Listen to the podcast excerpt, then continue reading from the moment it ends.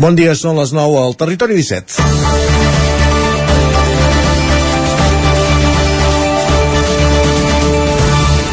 Dimarts esmorzàvem amb la notícia a La Vanguardia que un estudiant de la Universitat de Vic està patint assetjament per part d'un grup d'alumnes de la mateixa universitat des del passat mes de febrer. El cas, de fet, fins i tot va arribar al jutjat, on va haver-hi una resolució amistosa a finals del curs passat. La universitat el que va fer, a banda d'oferir suport a la víctima i fins i tot facilitar-li allotjament alguns dies, perquè alguns dels episodis d'assetjament s'havien produït a la residència universitària, va ser evitar que víctima i assetjadors coincidissin al campus, canviant els assetjadors d'horari. Tot i que NACE diu el contrari, la UBIC assegura que no li consten episodis d'assetjament dins la facultat. Ha començat un nou curs, però la víctima i assetjadors tornen a coincidir. La noia ha dit prou i a través d'aquesta associació que anomenàvem, ASE, no Acoso Escolar, ho ha fet públic a través d'alguns mitjans. El mateix dimarts, la universitat reaccionava amb un comunicat explicant tot el que havia fet en aquest cas i afegint que sense constància que els fets s'hagin produït al campus és difícil d'actuar. Entre d'altres mesures, la víctima té una persona de referència signada per atendre-la davant de qualsevol incidència. Per NACE, que acusa la universitat de passivitat, no és suficient i demana l'expulsió dels assetjadors. Sense una sentència, que no existeix, la universitat alega, però que no pot actuar. Veient tot el que ha fet, aplicant primer de tot el protocol d'assetjaments, no es pot dir que la universitat no hagi actuat, ni tan sols se'ls pot acusar de no donar la cara, com es feia dimarts a la tarda en un programa de TV3, en el que precisament estaven donant la cara, i podia semblar més aviat que es tractava la institució amb aquell paternalisme o superioritat que des de la capital de vegades s'aplica envers la resta del territori. Ara bé, dit això, no podem oblidar que estem parlant d'assetjament i que hi ha una víctima que pateix només de veure els seus assetjadors, i mentre això sigui sent així, el cas no està resolt i cal estar-hi a sobre. És dijous, 13 d'octubre de 2022. Comença el Territori 17 a la sintonia de la veu de Sant Joan, Ona Codinenca, Ràdio Cardedeu, Ràdio Vic, el 9 FM, i ja sabeu que també ens podeu veure a través del nou TV, Twitch i YouTube. Territori 17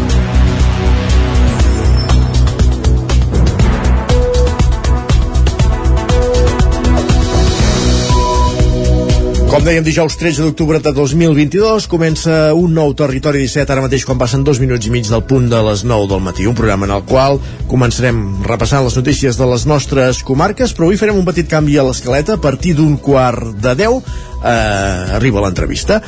Farem una aturada en el relat informatiu, anirem a l'entrevista avui amb l'alcaldessa de Sant Quirze, Safaja, Safaja l'Anna Guixam, que anuncia que no optarà a la reelecció i farem un repàs de dels seus de, dos mandats i també dels projectes que, que deixa sobre la taula el futur equip de govern. En parlarem en companyia de la Caral Campàs, de l'Estona Codinenca, com dèiem, a partir d'un quart de deu amb l'alcaldessa de Sant Quirze, Safaja, Safaja, Anna Guixà.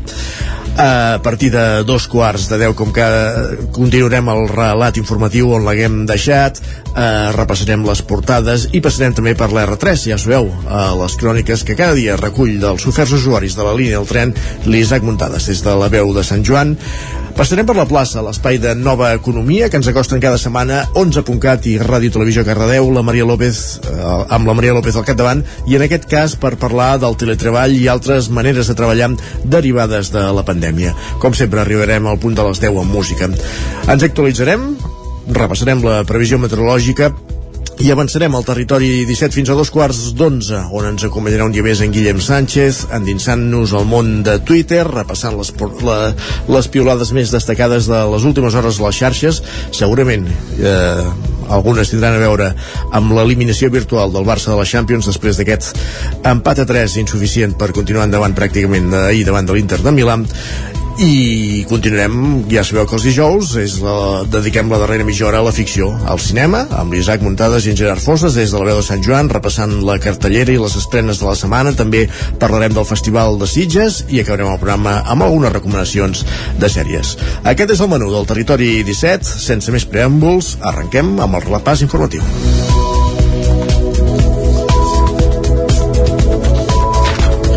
I és que el govern espanyol recupera la idea de fer un túnel per superar la vall del Congost entre el Vallès Oriental i Osona i completar el desdoblament de la línia R3. Així ho ha dit el secretari general d'Infraestructura Xavier Flores. De moment, en les actuacions que hi ha previstes al pla de Rodalies fins al 2030 es preveu el desdoblament entre Parets i la Garriga, on les obres ja han començat, i entre Centelles i Vic. Sergi Vives. Les obres del primer tram de la R3, que es desdoblarà entre Parets i la Garriga, han començat aquest estiu i en paral·lel també s'ha adjudicat l'estudi informatiu de la doble via entre Centelles i Vic. Són les obres de, desdoblament, de desdoblament a la línia que preveu el Pla de Rodalies de Catalunya fins l'any 2030. Per arribar al desdoblament total fins a Vic, però, hi ha el repte de superar la complicada orografia de la Vall del Congost entre el Vallès Oriental i Osona. Xavier Flores, secretari general d'Infraestructures del Ministeri de Transports, Mobilitat i Agenda Urbana, ha assegurat en declaracions al 9-9 que l'opció que, és, que es veu més clara a hores d'ara és un túnel, una opció que ja es va plantejar en un estudi informatiu realitzat al 2008 que el, desdona, des, que el desdoblament ha d'acabar sent complet fins a Vic. També ho, referm, ho refermava en una entrevista al nou TV el coordinador del Pla de Rodalies de Catalunya, Pere Macias. A la vida hi ha dos tipus de comportament. Un dir, ho farem tot, posar-se una medalla i després no fer res. Aquest és un comportament. I un altre és dir, escolti'm, ho farem i a més a més de dir que ho farem, ho comencem a fer. Què passarà? Doncs que com tinguem eh, acabat a Parets de Garriga i estem fent de Vic a Centelles, llavors s'haurà de fer el projecte de Centelles a la, a la Garriga, no? Aquest, però amb aquesta filosofia, repeteixo, que crec que és l'única manera real de fer les coses dels 2.308 milions que el govern espanyol ha anunciat per a Catalunya en els pressupostos generals de l'Estat de l'any vinent, pràcticament la meitat han de ser per a Rodalies. Davant de les xifres del 2022, quan l'execució real del pressupost per a Renfe i Adif quedarà en un terç del previst, Macias diu que l'important és tenir les dotacions perquè cada vegada es necessitaran més recursos en les obres previstes pel pla. Pere Macias que primer havien de tenir els projectes, ara ja tenen els projectes, els havien de contratar, i ara ja els tenim contratats i ara ja els podem començar, no? Quan tinguem tot això en marxa, és evident que llavors consumirem tot el pressupost, tots els diners que hi hagi. Eh? I per tant, per mi l'important és que hi hagin aquests diners, perquè el gros seria que com tinguem el projecte, es tenien començat, després els pressupostos ens deixessin sense, sense actuació, no? I això és el que no pot ser.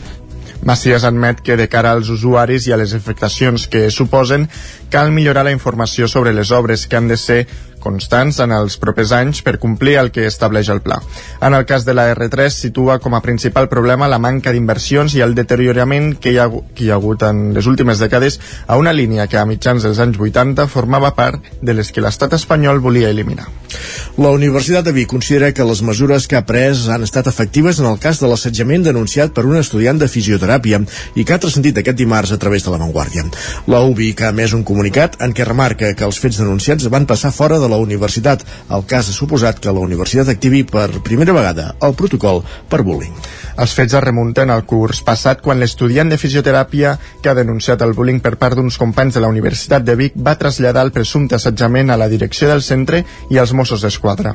El cas va arribar als jutjats on les dues parts van arribar a un acord a partir del qual la universitat va canviar els estudiants denunciats a l'horari del matí perquè no coincidissin amb la companya a qui haurien assetjat.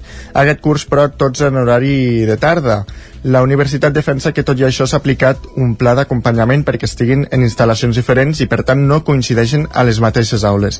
La UBIC ha admès que el cas ha obligat a activar per primera vegada el protocol d'assetjament del centre i assegura que s'ha donat suport a l'estudiant en diferents aspectes. Remarca que els fets denunciats no es van produir dins el campus, motiu pel qual la universitat no pot iniciar expedients sancionadors als presumptes agressors.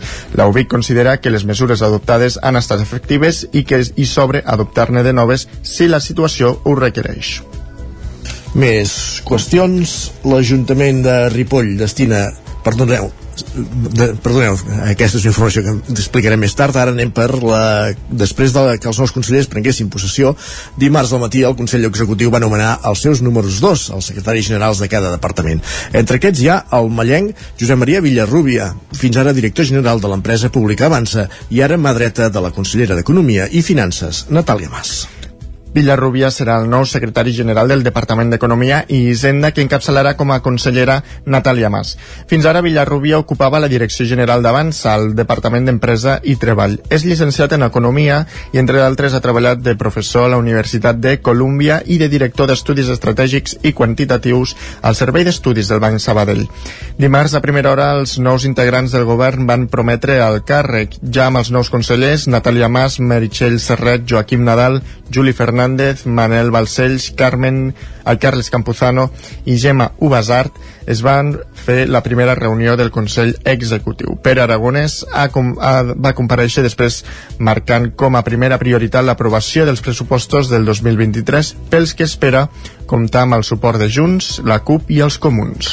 Més qüestions, eh, anem fins a una codinenca perquè les coves del Toll de Mollà estrena noves rèpliques dels elements més representatius del parc arqueològic, que era el campàs, com dèiem, una codinenca. Sí, les peces més emblemàtiques de les coves del Toll ja tenen les seves rèpliques que serviran per millorar la visita al jaciment. S'han col·locat al parc arqueològic per tal d'ambientar les visites al jaciment prehistòric i paleontològic. Les peces originals es poden veure al Museu de Mollà, on es pot garantir un bon estat de conservació. Marta Fàbrega és directora del parc. Sí, el que hem fet és agafar quatre de les peces més emblemàtiques del Museu Arqueològic que s'han trobat, i paleontològic, que s'han trobat a les coves del Toll, com són la iaia neolítica amb el plani foradat d'un sinucitis, eh, la gerra eh, reconstruïda que es va, va permetre trobar la cova l'any 1952, i després el, el crani de l'home de Cromanyó centreeuropeu de l'edat de bronze. Una altra de les funcions d'aquestes reproduccions és dinamitzar les visites escolars. Quatre peces el que hem fet és fer un escaneig amb 3D, ens ho han fet les noies d'Icrar i, eh, i hem fet un acabament a lo més pròxim a, a, la, a les peces actuals. De fet, si les poses de costat i no les toques, no sabries dir quina és cada una i l'altra còpia serà per seguir per fer les activitats escolars. Ah, recordeu que tenim 15.000 escolars l'any. Les reproduccions han estat fetes per un equip de restauradores especialitzades en materials arqueològics. Gràcies, Caral. Acabem aquí aquest breu repàs informatiu que continuem, continuarem, com dèiem, a partir de dos quarts de deu. Ara fem una aturada per escoltar la previsió meteorològica i, com dèiem, eh, tot seguit conversarem amb l'alcaldessa de Sant Quirze de Safaja, Anna Guixam.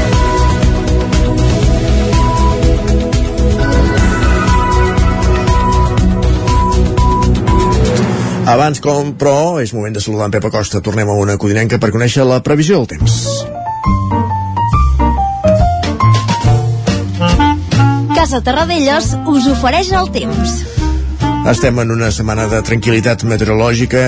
Continuarà així la cosa? Pep Acosta, bon dia. Hola, molt bon dia. Què tal? Espero que tot bé i estem aquí a l'espai del temps Uh, poques, poques novetats, eh? Molt poca cosa. Uh, continuem amb, aquest, uh, amb aquesta situació de tranquil·litat. Uh, tenim aquí ara ja un anticicló uh, ferm situat uh, a sobre l'Europa Occidental i fa que les perturbacions estiguin molt allunyades i fa que la, la cosa sigui la, el temps meteorològic sigui molt, molt tranquil molt estable i no, no tinguem grans, grans moviments. Ens hem llevat amb unes temperatures eh, suaus eh, la majoria de valors entre els 12 i els, i els 15 graus cap a l'interior. Lògicament més baixes aquestes temperatures a les zones del Pirineu però podien ser més baixes, eh? Podien ser més baixes fins i tot ja aquesta època de l'any. No, no, no, no fa fred ni de bon tros. Avui serà un dia molt tranquil, molt tranquil, uh, no tindrem gairebé uh, cap, cap nuvolada especial, uh, molts pocs núvols, un ambient anticiclònic, molt de sol, Uh, i com deia, un ambient molt, molt, molt pla, molt tranquil, eh? molt, molt poca cosa. A destacar, a destacar la pujada de temperatures. Avui al migdia tornarà tornarem a tenir un ambient molt, molt suau i, i unes temperatures molt, molt agradables per l'època de l'any fins i tot una mica de caloret al migdia mm, un, un, un panorama que no, no, no agrada, eh? no agrada perquè és que la situació de sequera és molt complicada i sembla que tornem una mica a l'estiuet, eh? una mica d'estiuet, perquè les màximes seran entre els 22 i els 26 graus. Vents molt febles, i és que um, res més a destacar, res més a destacar. Continuem amb, aquest, amb, amb aquesta situació que ja no, no... Jo crec que no agrada a ningú, ja, eh? Aquí volem, volem ja pluges, volem eh, més fresca i no, no, vol canviar, no vol canviar la situació. I bueno, això és tot. A disfrutar del dia d'avui i demà ja farem el pròstic del cap de setmana eh, que ja aviso que tampoc hi haurà grans canvis. Serà un cap de setmana molt, molt tranquil pel que fa el temps. Moltes gràcies, adeu. Doncs ho tindrem present. Gràcies, Pep. Parlem més tard. Fins ara. Casa Tarradellas us ha ofert aquest espai. Territori 17. Envia'ns les teves notes de veu per WhatsApp al 646 079 023. 646 079 023. WhatsApp Territori 17.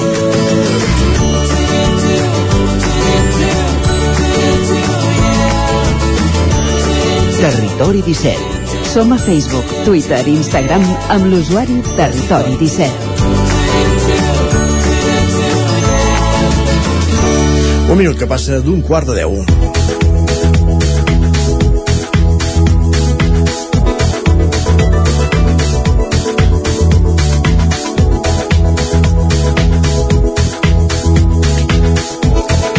A la llista del, electoral del PDeCAT a Sant Quirze s'afaja Anna Guixà, actual alcaldessa, no constarà com a cap de llista. Estem parlant ja de les eleccions del maig de 2023. Guixà està al capdavant de l'Ajuntament de Sant Quirze des de l'any 2015, quan va guanyar les eleccions amb quatre regidors del PDeCAT. El 2019 es va tornar a presentar, emportant-se la victòria altra vegada i eixamplant la distància amb el PSC, aconseguint un cinquè regidor. Caral Campàs, zona codinenca, bon dia. Hola, bon dia. Doncs, doncs bé, sí, com que doncs, l'actual alcaldessa Ana Guixà, que ja la podem uh, veure per streaming, uh, no es tornarà a presentar a les pròximes eleccions i per això volíem parlar amb ella. Bon dia, uh, Ana Guixà. Hola, bon dia. Uh, primer de tot, uh, un, volíem demanar-te un petit balanç d'aquests vuit anys, d'aquests dos mandats consecutius, així en fred. Uh, jo crec que han set vuit anys molt bons. Els primers quatre han sigut de molta construcció, realment vam poder fer moltes coses, i aquests quatre últims, clar, ens ha tocat amb la pandèmia, que han sigut dos i mig molt difícils i que ens va trastocar tot, i aquests un i mig que ens queda ara al final és el que intentem desenvolupar el que ens faltava dels quatre primers. Uh -huh. uh, com dèiem a l'inici, ha decidit que no tornarà a optar a la reelecció. Per què no es torna a presentar? Bé perquè jo crec que no hi ha ningú imprescindible no, en, el, en els llocs i per tant doncs, tampoc cal aposentar-se a les cadires i, i de fet ja ho vaig dir o sigui, quan vaig començar les legislatures o sigui, la primera legislatura ja vaig dir que faria 8 anys i, i dit i fet Molt bé. Uh, anirà a la llista però en una altra posició? Mira, no ho sé encara. Uh, jo crec que, que no, però si fa falta ho faré, però vull dir que no crec que no sigui, no crec que sigui necessari, vull dir que el relleu que hi ha és, és molt bo i per tant doncs, uh, sap que el recolzament meu el té i, i per tant és una, segurament serà una llista continuista. Uh -huh. Uh, parlem però de, de projectes que, que hi ha sobre la taula, que queden pendents, que queden pel proper govern que, que entri, vostè evidentment allargarà fins al mes de maig aprofitant la vinentesa, volem parlar de qüestions com dèiem del poble que queden pendents, l'escola eh, continua estant en barracons, en quina fase està la possibilitat doncs, de, de consolidar un, un centre amb obra, etc. Sí, l'escola continua estant en barracons. Nosaltres amb ensenyament seguim treballant perquè quan ens vam, quan vam entrar, com si diguéssim, ens vam trobar que tots els tràmits que s'havien fet amb ensenyament, que ja estaven a la cessió del terreny i per tant doncs, ja només faltava l'acceptació de Generalitat perquè construís l'escola. Ens vam trobar de que ensenyament donava tot l'expedient per tancat i que per tant doncs, havíem de tornar a començar de zero. Llavors nosaltres aquí hem reiniciat tota la paperassa que, com si diguéssim però, però sí que és cert ensenyament sempre ens està donant llargues i per tant doncs, que la, la previsió no ens donen cap data ni tampoc un interès massa gran a, a donar-nos una data prevista per aquesta construcció Llavors el que hem fet nosaltres com a Ajuntament és invertir en els barracons que tenim a dia d'avui. D'alguna manera hem invertit de manera que no semblin que són barracons, tot i sento. I per tant doncs, hem fet una aposta grossa doncs, a, a fer-los bonics de forma exterior, a fer-los bonics de forma interior i sobretot doncs, la, el sistema de comoditat, no? o sigui, calefacció, eh, posar fusta per dintre, és a dir, hem intentat millorar al màxim pel benestar dels nens per tant, eh, la persona que ocupi doncs, eh, el seu lloc a, a la llista entenc que seguirà amb, amb aquest objectiu d'insistir a la Generalitat per aconseguir-ho, no? Sens dubte, o sigui, al final és una escola que, que agrada, que perdura i per tant doncs, estem al voltant no, de gairebé els 50 alumnes i per tant doncs, som molts alumnes i té un model que, que venen nens no, de fora del municipi i per tant doncs, tot això s'ha de preservar i al final l'escola és el futur d'un municipi i per tant doncs, no hi ha més com a primer objectiu al, al tema de l'escola.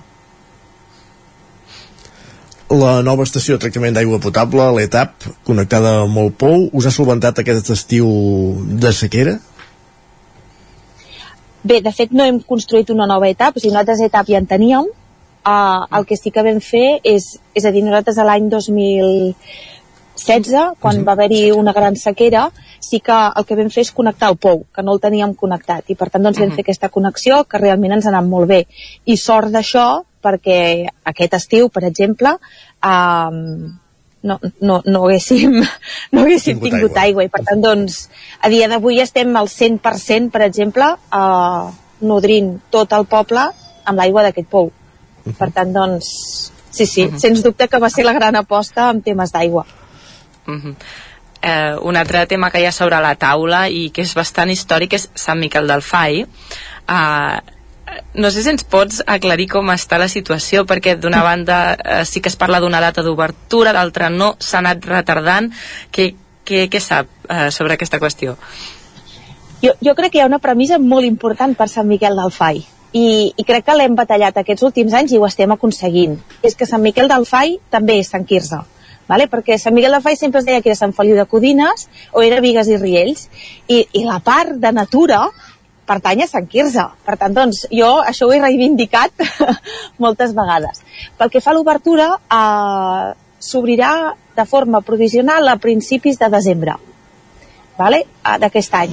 Per tant, hi ha una provisió d'aquesta provisional, no s'obrirà al 100% perquè hi ha llocs de Sant Miquel del Fai que encara els tenen tancats per temes de seguretat però sí que preveu, preveuen que pel pont de la Puríssima ja pugui estar obert.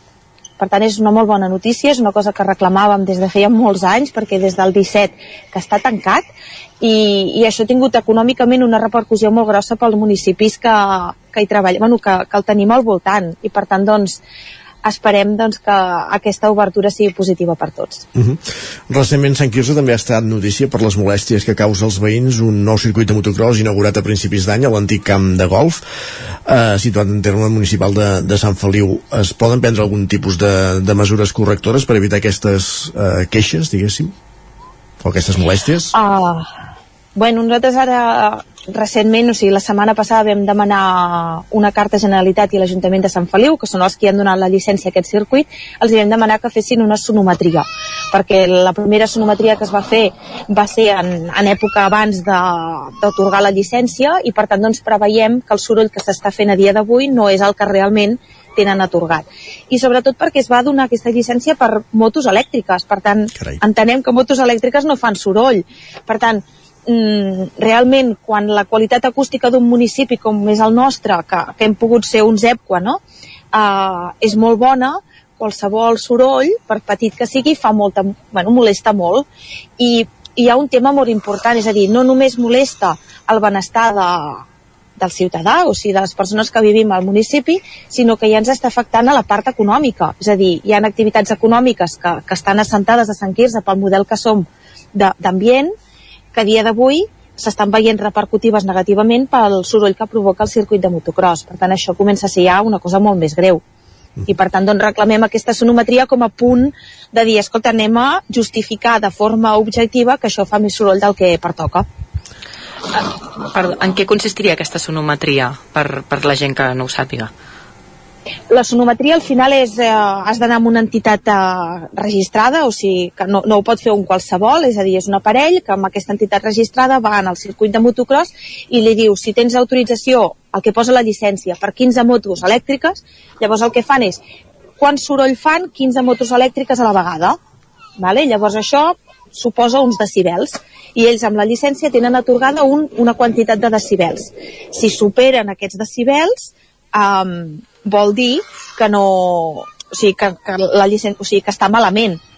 I per tant, doncs, ara el que en demanem és fer la, aquesta sonometria en l'activitat normal, és a dir, a veure què està passant perquè no només circulen elèctriques. Mm -hmm. Llavors aquí...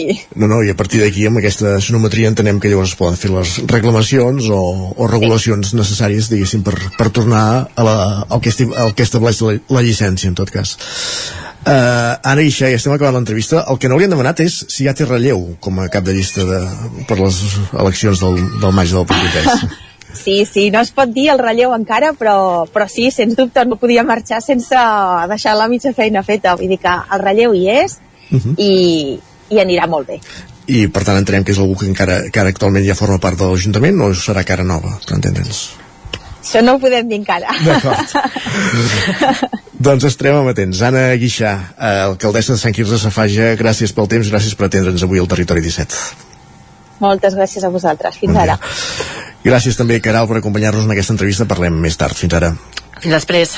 Avancem en el territori 17 d'avui dijous 13 d'octubre de 2022.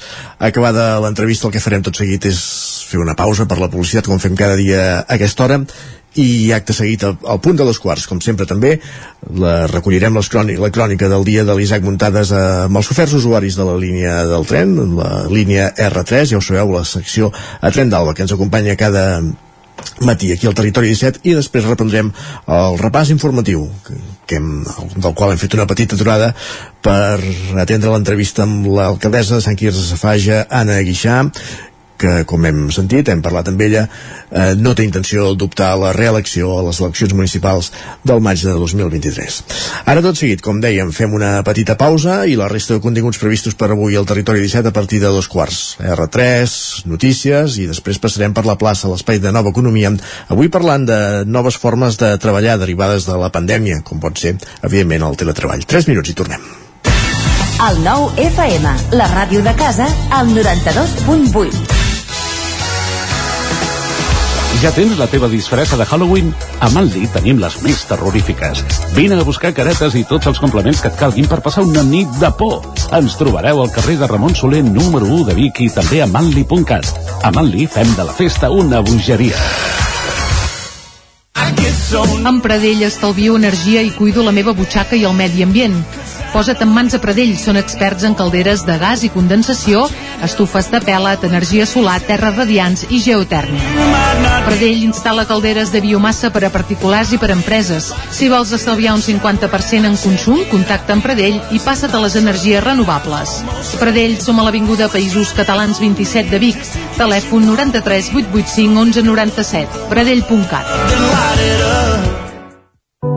Cobertes serveis funeraris. Els nostres tanatoris estan ubicats en els nuclis urbans més poblats de la comarca d'Osona per oferir un millor servei. Tanatori de Vic, Tanatori de Manlleu, Tanatori de Centelles i Tanatori de Roda de Ter. Sabem que són moments difícils i per això el nostre compromís és atendre-us en tot moment amb un tracte humà, sensible i respectuós. Cobertes serveis funeraris. Telèfon 24 hores 93 883 23 46. Bon dia, són les 9 al Territori 17. Cada matí i durant dues hores t'acompanyem i et posem al dia de l'actualitat de casa nostra. Potenciant així l'autonomia... Per aquest cas me la peça el taler si no... Cursos per feminitzar el pensament masculí. Territori 17, el magazín matinal d'Osona, el Moianès, el Ripollès i el Vallès Oriental. Que la meva àvia de 93 anys... El 9 FM, el 9 TV, al 99.cat i també els nostres canals de Twitch i YouTube. Demà per fer-se un tatuatge. Cada matí Territori 17. Ole. Anuncia't al 9FM. La màquina de casa. 9 3 8 8 9 4 9 4 9. Publicitat arroba al 9FM.cat. Anuncia't al 9FM. La publicitat més eficaç. Cocodril Club.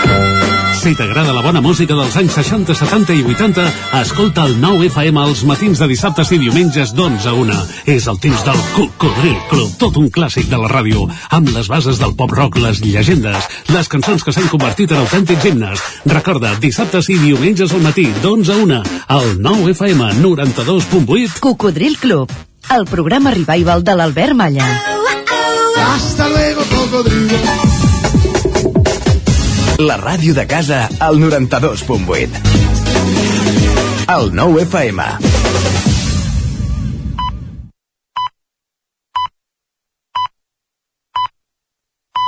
Territori 17.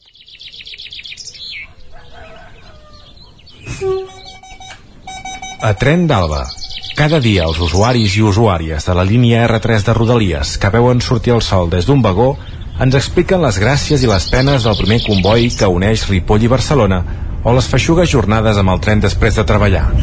Benvinguts a Tren d'Alba. Aquesta setmana la Núria Lizandra va fer una piulada a Twitter en què deia que la tarda anterior va haver-se d'esperar 40 minuts a la plaça Catalunya per actes vandàlics a la línia R4 a l'alçada de Cerdanyola. I quan van arribar a Sant Vicenç de Castellet van avisar per la megafonia que s'acabava el trajecte i van haver de creuar la via per fer transport. Malament pels actes vandàlics, però perillós que s'hagi de travessar la via com si es tractés d'en Rambo al Vietnam. En fi, us deixo amb la crònica d'en Carles Bassaganya d'avui. Una de les coses divertides de comprovar és precisament quan es canvien els hàbits.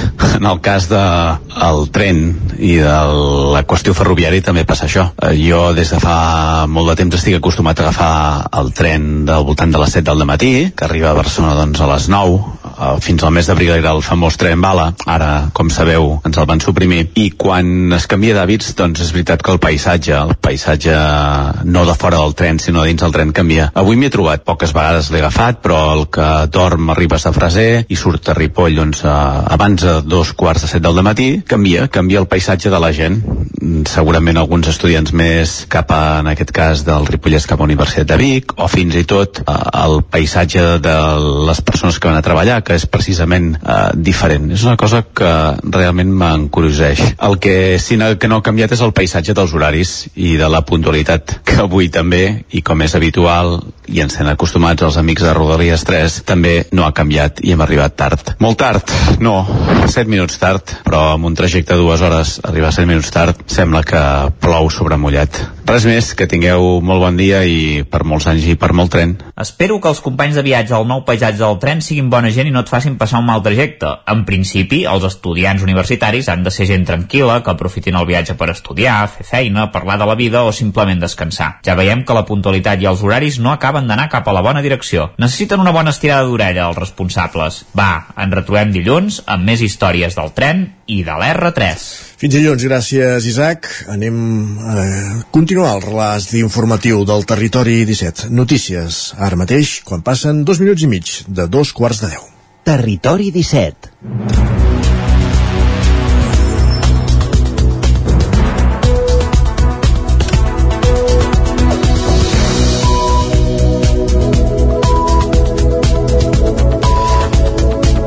És l'hora de l'entrevista, però com han sentit, l'entrevista ja l'hem fet abans. Avui hem mogut una mica l'escaleta, hem fet l'entrevista amb l'alcaldessa de Sant Quirze, Safaja, Anna Guixà, i ara continuem amb les notícies de les 10. L'Ajuntament de Ripoll destina 30.000 euros a millores a les dues escoles públiques del poble. Isaac Muntades, des de la veu de Sant Joan.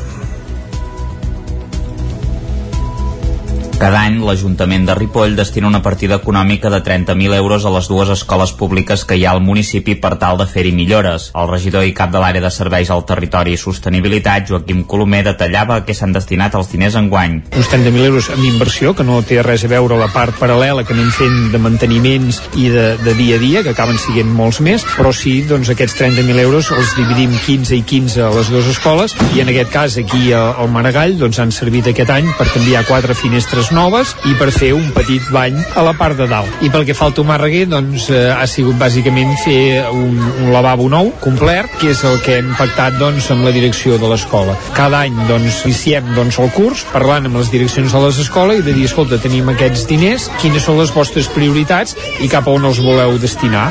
A l'escola Joan Maragall s'han aprofitat les vacances per dur a terme les obres. Com deia Colomer, s'han substituït quatre tancaments de finestres per un import de gairebé 11.900 euros i també s'ha construït un lavabo a la segona planta amb un pressupost de 1.800 euros. I de cara a les vacances de Nadal, està prevista l'actuació a l'escola Tomàs Reguer, en què reformarà el lavabo del costat dret del nucli de les escales de la planta baixa. El cost total de l'obra és de poc més de 16.000 euros. Tornant a l'escola Joan Maragall, en poc temps també es preveu iniciar un projecte per consolidar un dels murs de l'edifici on fa uns anys hi van aparèixer esquerdes. Des del consistori s'han fet reforços de forma periòdica i una canalització de les aigües residuals que han permès solucionar el problema i evitar riscos per alumnes i professors. Ara està previst que des del Departament d'Educació es facin les obres de consolidació perquè les esquerdes no tornin a aparèixer mai més. Uns treballs que ja s'havien d'haver fet el passat estiu però que no es van dur a terme per una dificultat en la licitació del departament. En aquests moments el projecte està redactat i haurien de ser imminents. El Joan Maragall també està prevista la construcció d'una rampa d'accessibilitat. Gràcies, Isaac. Després de l'ensurt del passat mes de març, quan es va anunciar el tancament de l'escola El Roser de Sant Julià de Vilatorta, finalment s'ha pogut mantenir el centre obert i la nova propietat de Bracet amb la comunitat educativa ha fet una jornada d'inauguració. L'objectiu dels nous gestors és que sigui una escola referent a la comarca, fent que els seus alumnes puguin aconseguir l'excel·lència acadèmica. Sergi Viles. A principis de març, la Fundació Privada Puig i Cunyer va anunciar el tancament de l'escola El Roser de forma sobtada per una mala situació econòmica. Després de mesos de lluita, l'entrada del grup inversor Argos Capital, el patronat de la Fundació al juny, va assegurar la continuïtat del centre centenari. Divendres 7 d'octubre, Festa del Roser es va fer la inauguració del nou curs. L'alcalde de Sant Julià de Vilatorta, Joan Carles Rodríguez, va subratllar que era un dia de felicitat i que hi ha molta gent que ha treballat fins aquí, fins a arribar aquí, però sobretot l'equip gestor. Escoltem-lo hi ha un nou patronat que eh, en dos mesos han hagut de fer el que, el que no s'ha fet aquí en molts anys i la veritat és que veiem que treballen d'una manera molt seriosa, molt responsable, amb moltes ganes de tirar endavant. El nou president del patronat, Jordi Vallvé, assegurava que vol fer que aquesta escola sigui tot un referent a la comarca. Nosaltres vam decidir que aquesta escola no es tancava i no solament això, que ja ho hem fet, sinó que volem convertir en una escola que sigui líder a la comarca, aconseguir una escola eh, model on podem tindre tant els coneixements com l'entorn per a formar els líders que necessitem en aquest país. Una escola que aquest curs presenta novetats a nivell pedagògic, que segons Mayol Sanauja, membre de la gerència de l'escola, respecta l'escola concertada i laica, amb l'objectiu que els seus alumnes aconsegueixin l'excel·lència acadèmica. Això ho ampliava. Volem crear alumnes bons, amb bones qualificacions, i que eh, l'excel·lència acadèmica vingui en paral·lel a poder obtenir beques en un sistema intern que volem eh, gestionar eh, com a fundació un curs que s'inicia amb 210 alumnes amb la majoria de concerts. Tot i això, l'objectiu de l'escola és recuperar l'educació infantil i alguns cursos de primària. A més, també volen un nou projecte pel que fa a la llar d'infants. Maiol Sanauja. Hem salvat la majoria de concerts uh, i ara, enguany, aquest curs de transició, el que anem a fer és que uh, tots aquests uh, cursos que encara no els tenim, els anem a tenir per començar el curs 23-24 amb tots els concerts. L'Associació de Famílies dels alumnes van liderar la lluita per revertir el tancament de l'escola des del principi, fent que hagi estat una victòria conjunta amb el professorat i els nous gestors. Ara alumnes, famílies, docents i nous gestors començaran una nova etapa que uns mesos enrere ni tan sols havia de començar. Des d'aquest setembre, la titularitat de l'Escola Serats Cors de Centelles, que des del 1939 gestionava la congregació que li donava nom, ha passat a mans de la Fundació Badruna. El passat diumenge a la tarda, la comunitat educativa i el poble van fer un comiat a les germanes i van presentar un llibre sobre la història del centre i el pas de les monges per Centelles, Sergi.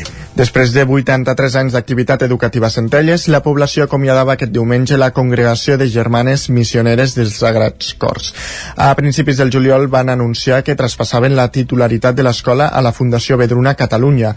La manca de vocacions feia difícil la continuïtat i les germanes diuen que marxen agraïdes amb el poble i amb la tranquil·litat d'haver deixat el centre en bones mans. Escoltem per aquest ordre a Lilian Carrasco, superiora general de la Congregació Missioneres dels Sagrats Cors, i a Josep Paré, alcalde de Centelles. Esto es una historia de amor.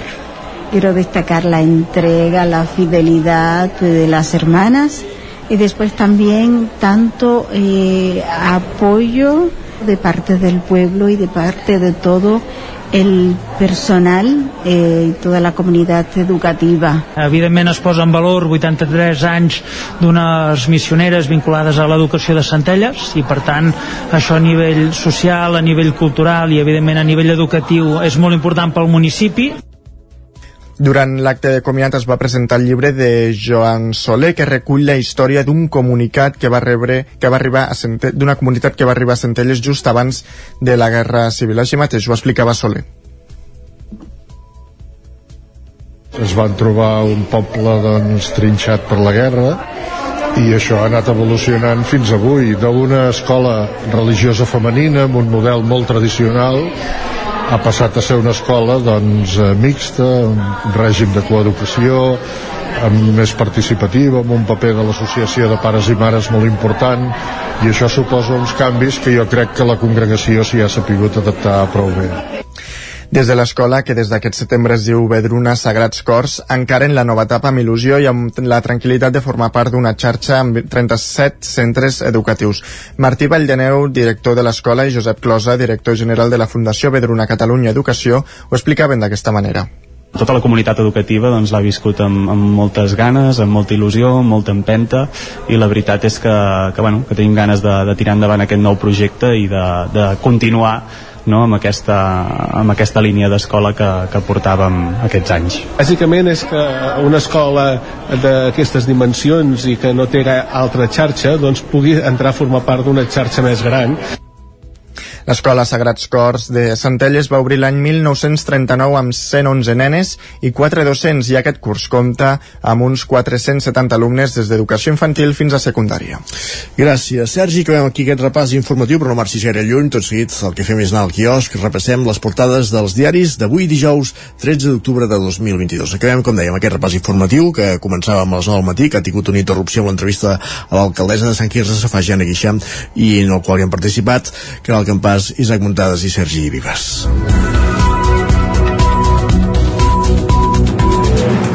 I ara sí, és moment d'anar al quios de conèixer les portades dels diaris d'avui. Per on comencem, Sergi? Doncs, com cada dia, comencem pel punt avui. Avui destaquen la crisi del procés amb el titular Procés sense partits. De fet, diuen que veus de la societat civil neguen la mort del procés d'independència i reclamen nous lideratges als partits independentistes. Aviam. I a més també destaquen amb una gran fotografia l'empat d'ahir del Barça i l'Inter on diuen que el Barça està al límit de la eliminació. Bueno, virtualment està eliminat.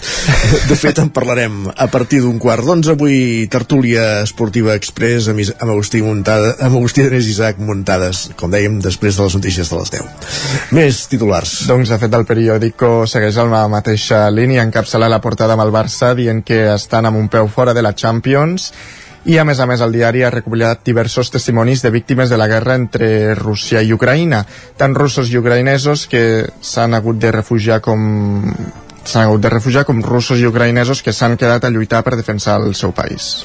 De fet, diem això, que el Barça està virtualment eliminat. Eh, evidentment no està eliminat, però clar, eh, no depèn d'ell mateix i l'Inter hauria de perdre els dos partits Seria que complicat la seva continuïtat. L'Inter hauria de perdre els dos partits, un dels quals contra el Victoria Pilsen, que no té cap punt en el seu grup de la, de la Champions. Exactament.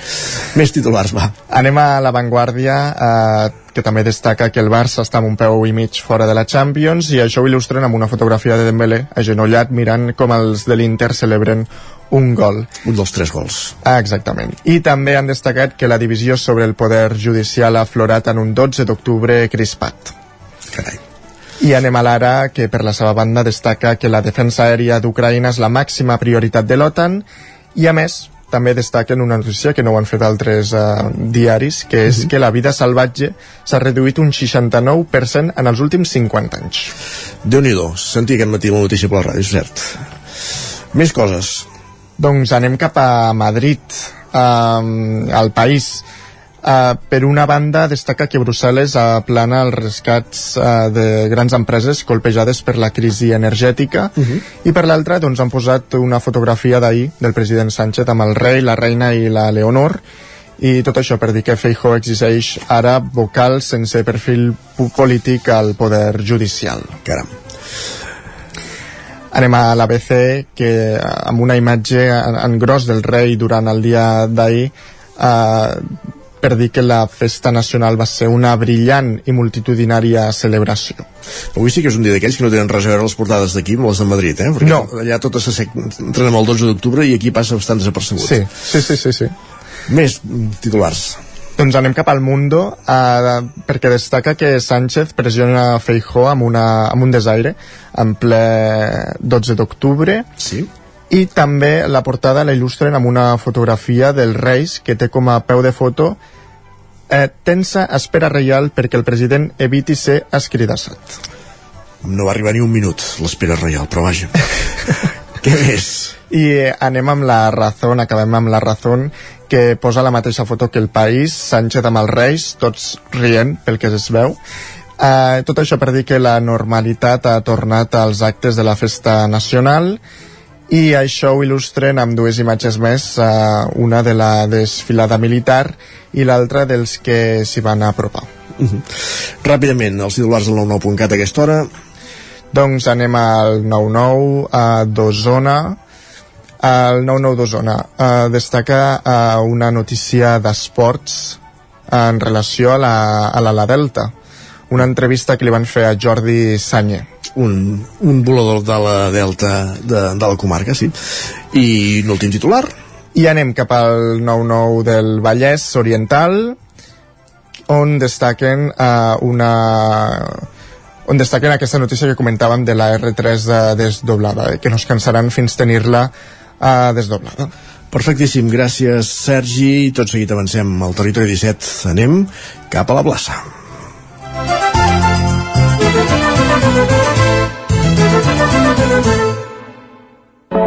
Territori 17, el 9 FM, la veu de Sant Joan, Ona Codinenca, Ràdio Cardedeu, Territori 17. Ja sabeu la plaça l'espai de, de nova economia que cada setmana ens acosten des de Ràdio Televisió Cardedeu i 11.cat avui per parlar de noves feines o de noves maneres de treballar com pot ser el teletreball derivades de la pandèmia. Saludem primer de tot a la Maria López des de Ràdio Televisió Cardedeu. Maria, benvinguda, bon dia.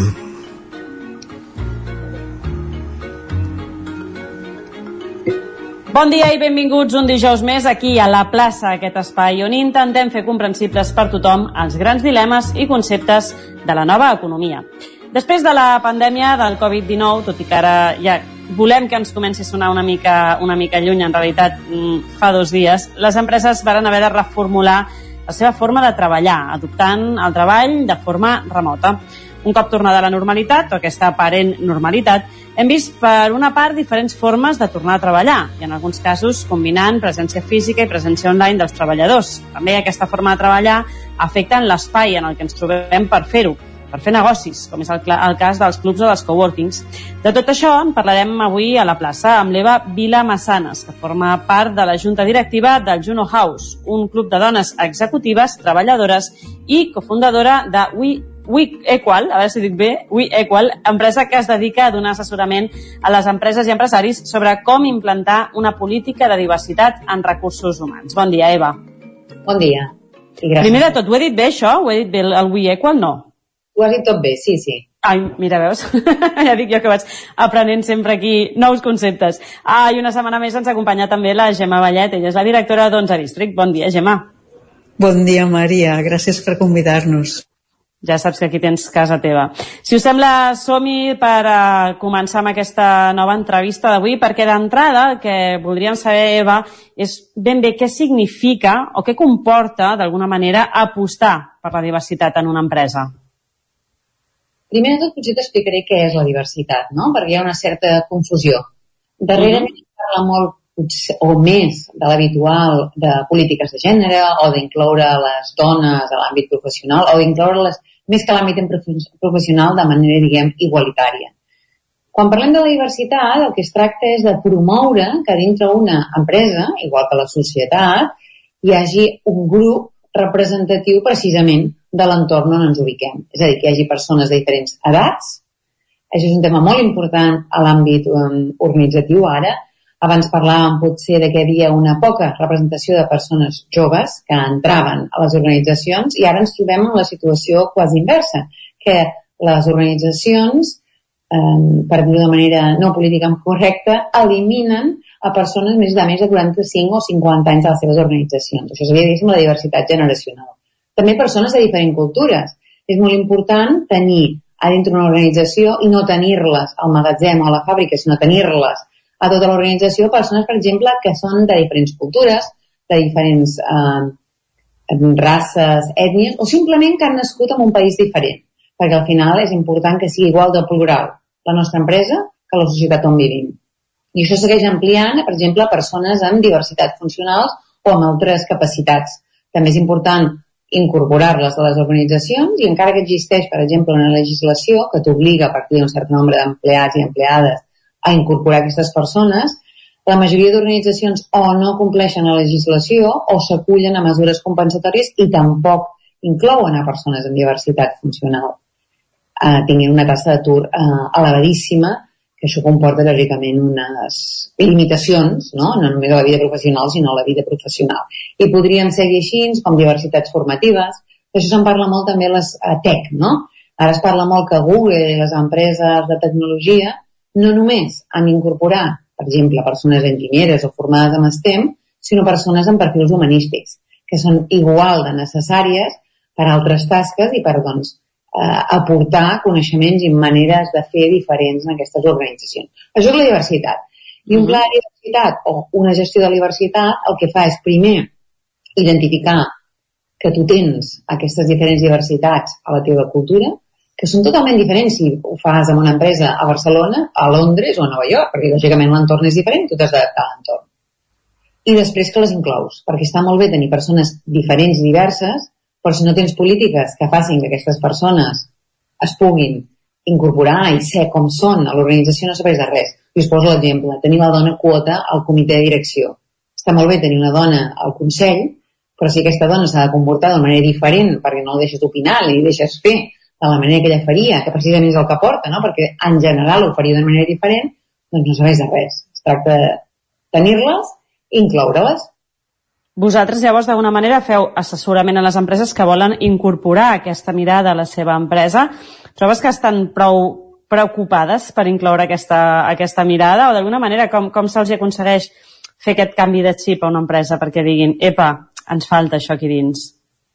A veure, siguent 100% sinceres, encara hi ha poques empreses que, que siguin treballant en una política de diversitat. N'hi ha unes quantes ja que estan treballant en una política de diversitat de gènere, és a dir, igualtat, perquè també hi ha una normativa que t'obliga. En el nostre país, des de ja fa uns anys, si tens més de 50 persones treballant a la teva organització, obligatòriament has de tenir un pla d'igualtat que fa doncs, que tinguis que incorporar els dos gèneres eh, a la teva organització de manera, diguéssim, igualitària. Però el que és el pla de diversitat no té una regulació al nostre país, és a dir, no hi ha una obligació legal. I hi ha relativament poques empreses que encara estiguin aportant eh, o apostant per la diversitat. Ens trobem amb empreses internacionals que tenen polítiques ja molt adaptades, per exemple, al país doncs, que està seu centre operatiu, pot ser Estats Units, pot ser Anglaterra, i quan arriben a Espanya o implementen polítiques al país, doncs fan no? polítiques que ja consideren, diguem, normals a altres geografies, i empreses on al final la direcció està molt conscienciada. Són normalment els dos, les dues formes no? d'entrar en aquestes organitzacions, perquè ja ho coneixen d'un altre entorn, perquè estan conscienciades, i hi ha un tercer punt que és molt important, que no l'he mencionat, però evidentment eh, doncs, potser costa una mica més, i és que els hi entendre hi ha molts estudis que qualsevol empresa que tingui un talent divers tindrà millors resultats. Perquè impacta directament la creativitat, per exemple, tenir un, un talent divers. La innovació que fas és més rellevant i tens més ingressos, pots arribar a tenir fins un 15% més d'ingressos. L'absentisme laboral disminueix. Augmenta també l'atracció de talent. Per exemple, les empreses que busquen talent tecnològic, que ara hi ha més demanda que oferta de talent tecnològic, una de les primeres palanques en les que poden treballar és la diversitat, a part doncs, de treballar en polítiques de teletreball, no? perquè aquestes persones estan molt interessades en la diversitat i solen preguntar quan els, els estan fent una entrevista com és el talent, no? Si tots són, i perdoneu que simplifiqui, homes blancs de 45 anys que han estudiat en els mateixos centres formatius d'alta direcció, eh, no és un talent divers i no s'ha de treure aquest tipus de talent tecnològic no? que, que les empreses estan buscant, per posar-vos un exemple. Llavors, els resultats és una bona eina també de dir-los que fent aquests plans doncs, eh, aconseguiran al final doncs, més beneficis, més facturació, eh, menys despeses doncs, de, de, de personal, per exemple, per treballar i retendre persones, eh, i així es podria continuar.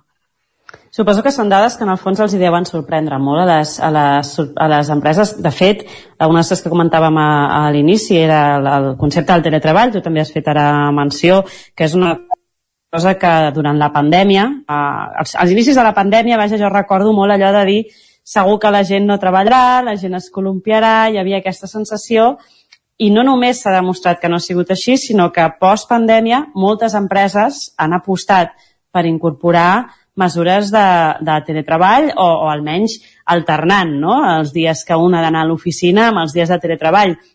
I al final ha sigut eh, no, l'experiència la que, la que ens ha posat sobre la taula aquest mal pensament que hi havia previ. No? Quan, suposo que vosaltres en aquest sentit deveu anar amb dades a les empreses no? I, i no només amb el tema del teletreball, sinó en molts altres aspectes. Exactament, sí. La nostra forma de treballar està bàsicament basada en dades. És a dir, demostrem amb dades doncs, que, doncs, com deies tu, no? la productivitat augmenta i com augmenta i com augmenta doncs, el retorn doncs, en innovació o com disminueix l'assentisme que té impacte en costos. Eh, es tracta d'argumentar amb dades doncs, cada una d'aquestes palanques perquè al final és un resultat de creixement. També hi ha altres eh, dades que es poden mesurar, com és l'impuls, per exemple, de la comunicació, no?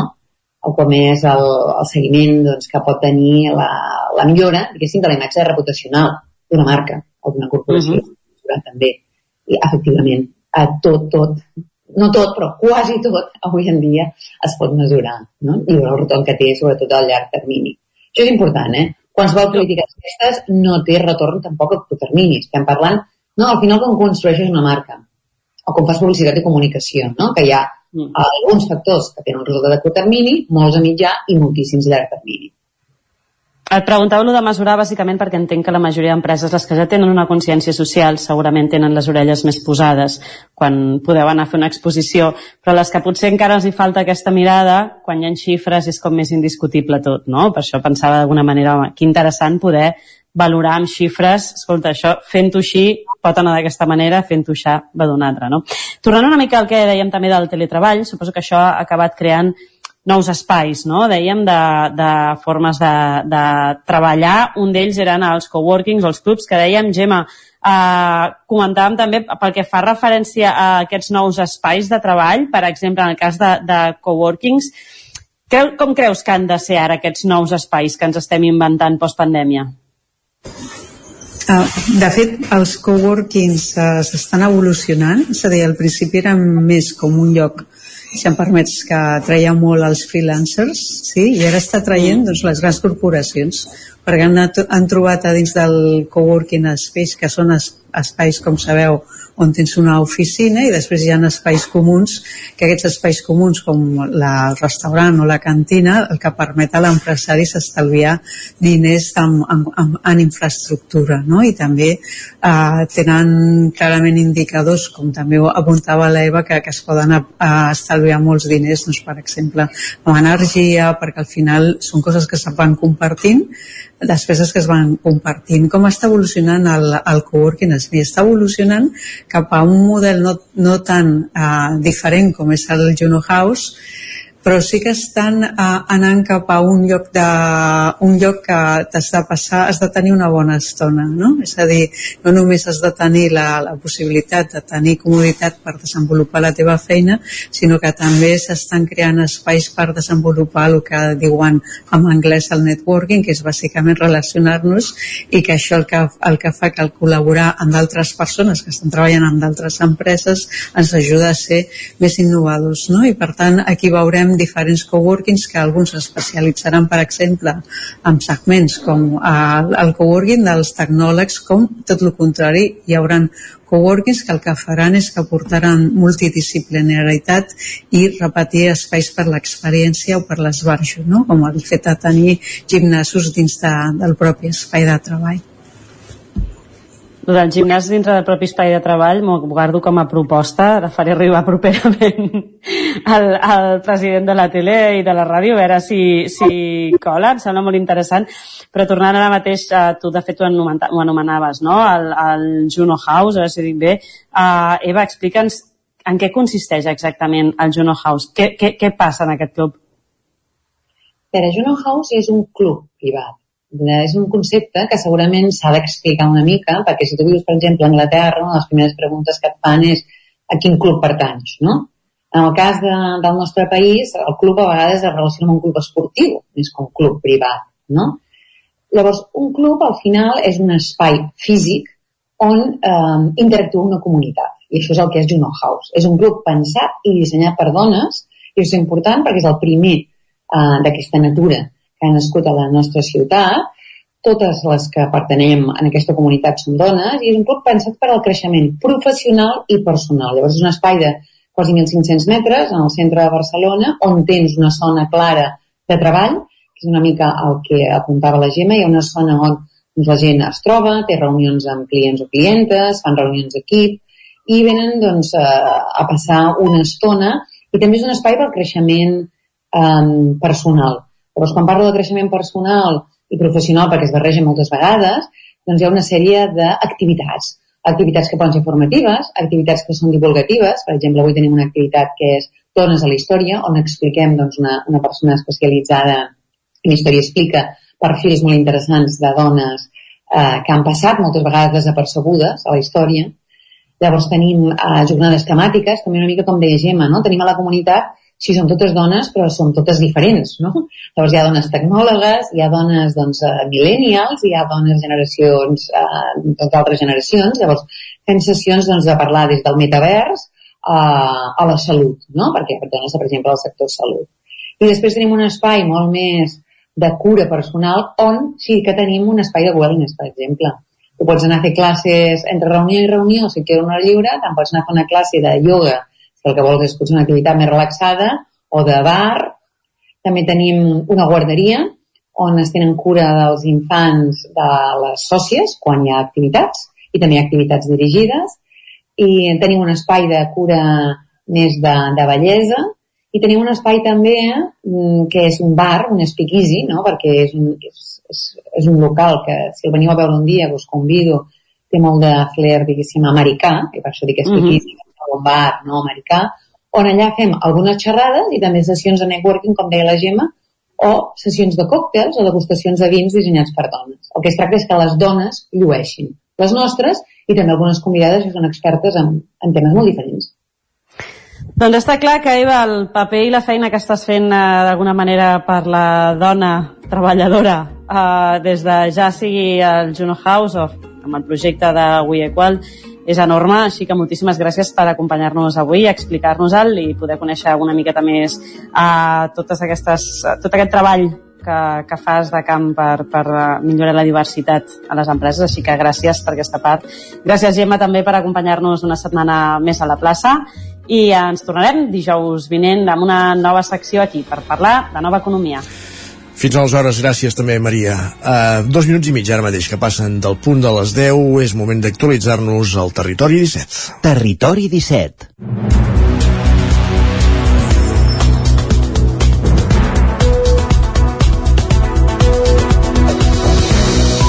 Moment de posar-nos al dia, quan passen 3 minuts de les 10, amb les notícies més destacades de les nostres comarques. I ho fem en connexió amb les diferents emissores que dia a dia fan possible aquest programa. El territori 17, a Osona, el Vallès Oriental, el Moianès i el Ripollès. I les emissores que ja ho sabeu són Ona Codinenca, la veu de Sant Joan, a Ràdio Cardedeu, Ràdio Vic, el 9FM i també es podeu veure a través del 9TV, Twitch i YouTube. Manlleu ha començat a repartir als veïns els kits del porta a porta un sistema, un sistema de recollida de deixalles que ja funciona a la indústria i al comerç i que a partir de l'1 de novembre també començarà a aplicar-se a la resta d'habitatges de la ciutat de, de Manlleu. L'objectiu és incrementar l'índex de recollida a la ciutat que actualment se situa en el 53% Sergi Vives. Un cubell gris per l'orgànica i la resta un de marró per l'orgànica a casa, un calendari, un paquet de bosses compostables, un clauer per accedir a les àrees d'aportació puntual i un embut per recollir l'oli. Són tots els estris que inclou el kit que dilluns es va començar a repartir a veïns i veïnes de Manlleu que el proper dia 1 de novembre s'estrenarà amb el sistema de recollida porta a porta. Un conjunt de productes eh, que pot recollir-se fins al dia 29 al local situat eh, al número 150 del passeig de Sant Joan, ara habilitat com a punt de recollida. Un kit imprescindible per fer el canvi cap a un model que al llarg de la setmana passada es va anar explicant a la ciutadania a través d'unes sessions informatives que van tenir lloc al Teatre Municipal. L'èxit de participació en aquestes xerrades va pensar a l'equip del govern que un cop superat el procés d'adaptació el canvi serà més plàcid del que preveien. Així ho explicava l'alcalde de Manlleu, Àlex Garrido. Hi ha predisposició ciutadana, eh, jo crec que si tots eh, prenem aquesta consciència eh, sobre el canvi climàtic, sobre la, un sistema de, de, de recollida de residus molt més eficient i molt més net, eh, ens anirà bé. Eh? Evidentment, acostumar-nos sempre té el seu procés i té eh, els seus dies de, de climatització i de, de canvi, però en tot cas entenem que pot anar molt bé un dels objectius del consistori manlleuenc és incrementar l'índex de recollida en les fraccions ordinàries a la ciutat, que actualment se situa al 53%. Una dada que se situa molt per sobre de la mitjana catalana del 30% i que converteix Manlleu en una de les ciutats del país que més recicla. D'entrada, el consistori té previst instal·lar bústies per la fracció orgànica a 500 habitatges i 23 finques de la ciutat. Una fórmula que permet canalitzar la gestió dels residus a les zones més poblades o en els punts de la ciutat on el sistema porta a porta podria obstruir les voreres. Maita Anglada, regidora del, de manteniment eh, de medi ambient de l'Ajuntament de Manlleu, ho explicava d'aquesta manera. És una bústia només d'aquell bloc, d'aquells veïns, s'obre amb el, el mateix clauer que obren les, les àrees d'aportació de Manlleu. Ells tindran accés a obrir la seva bústia però només s'obrirà els dies que fem l'aportació de l'orgànica, que és dimecres, divendres i diumenge.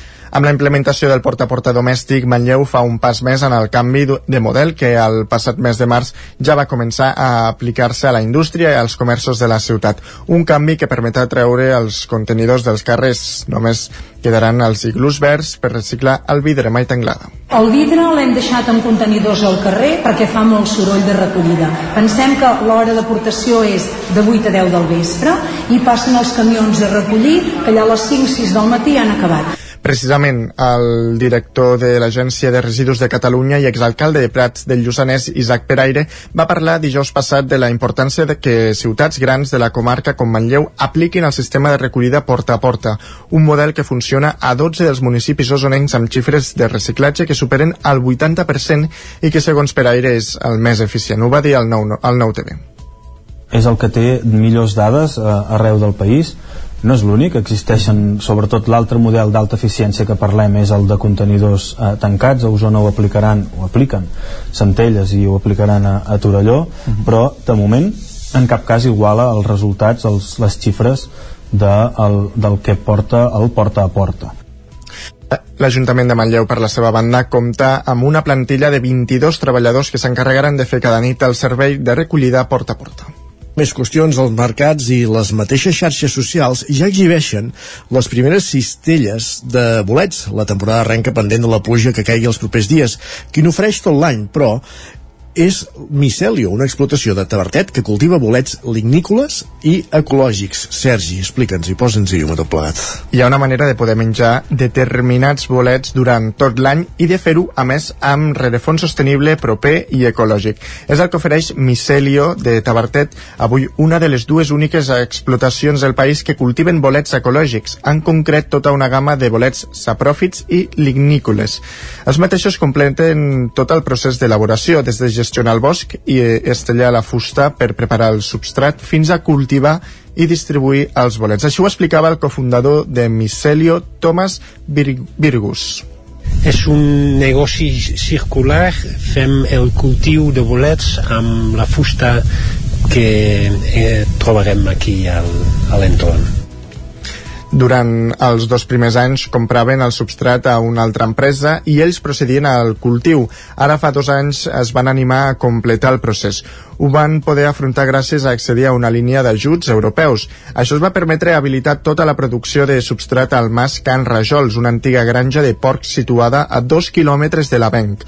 Els mateixos fan el manteniment i gestió de la finca forestal contigua d'unes 200 hectàrees. Thomas Virgus la, la feina comença al bosc eh, fem el manteniment del bosc tot el material fusta que surt del bosc triturem eh, estelles després fem un, un, una serradura això esterilitzem i després eh, inoculem amb, amb els bolets que volem cultivar. I un cop que el substrat està incubat eh, posem el substrat en un espai de fructificació on poden sortir els, els bolets.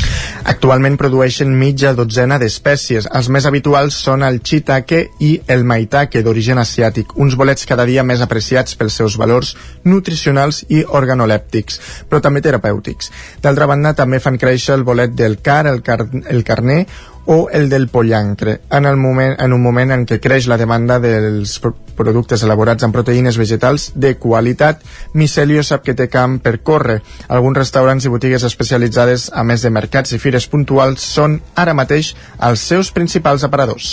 I encara en l'àmbit de l'alimentació, què i com hem de menjar nosaltres i especialment els nostres fills? Com afecten els antibiòtics la salut i el medi ambient? Les noves fonts de proteïnes són una alternativa real o tan sols una moda? Preguntes com aquestes són les que vol posar damunt la taula l'Ateneu de Vic amb un cicle d'activitats i col·loquis centrats en l'alimentació entre aquest octubre i el mes de desembre. De fet, avui ja hi ha una de les principals activitats, Sergi. Així és, a dos quarts de set de la tarda a la Biblioteca Pilarín Vallès hi haurà una taula rodona. Abordarà què han de menjar els nens i nenes i prendran part la, el dietista i nutricionista Julio Basulto, Cristina Baquer, doctora en psicòloga i diplomada en nutrició humana i dietètica, i Concepció Font, infermera i pediàtrica.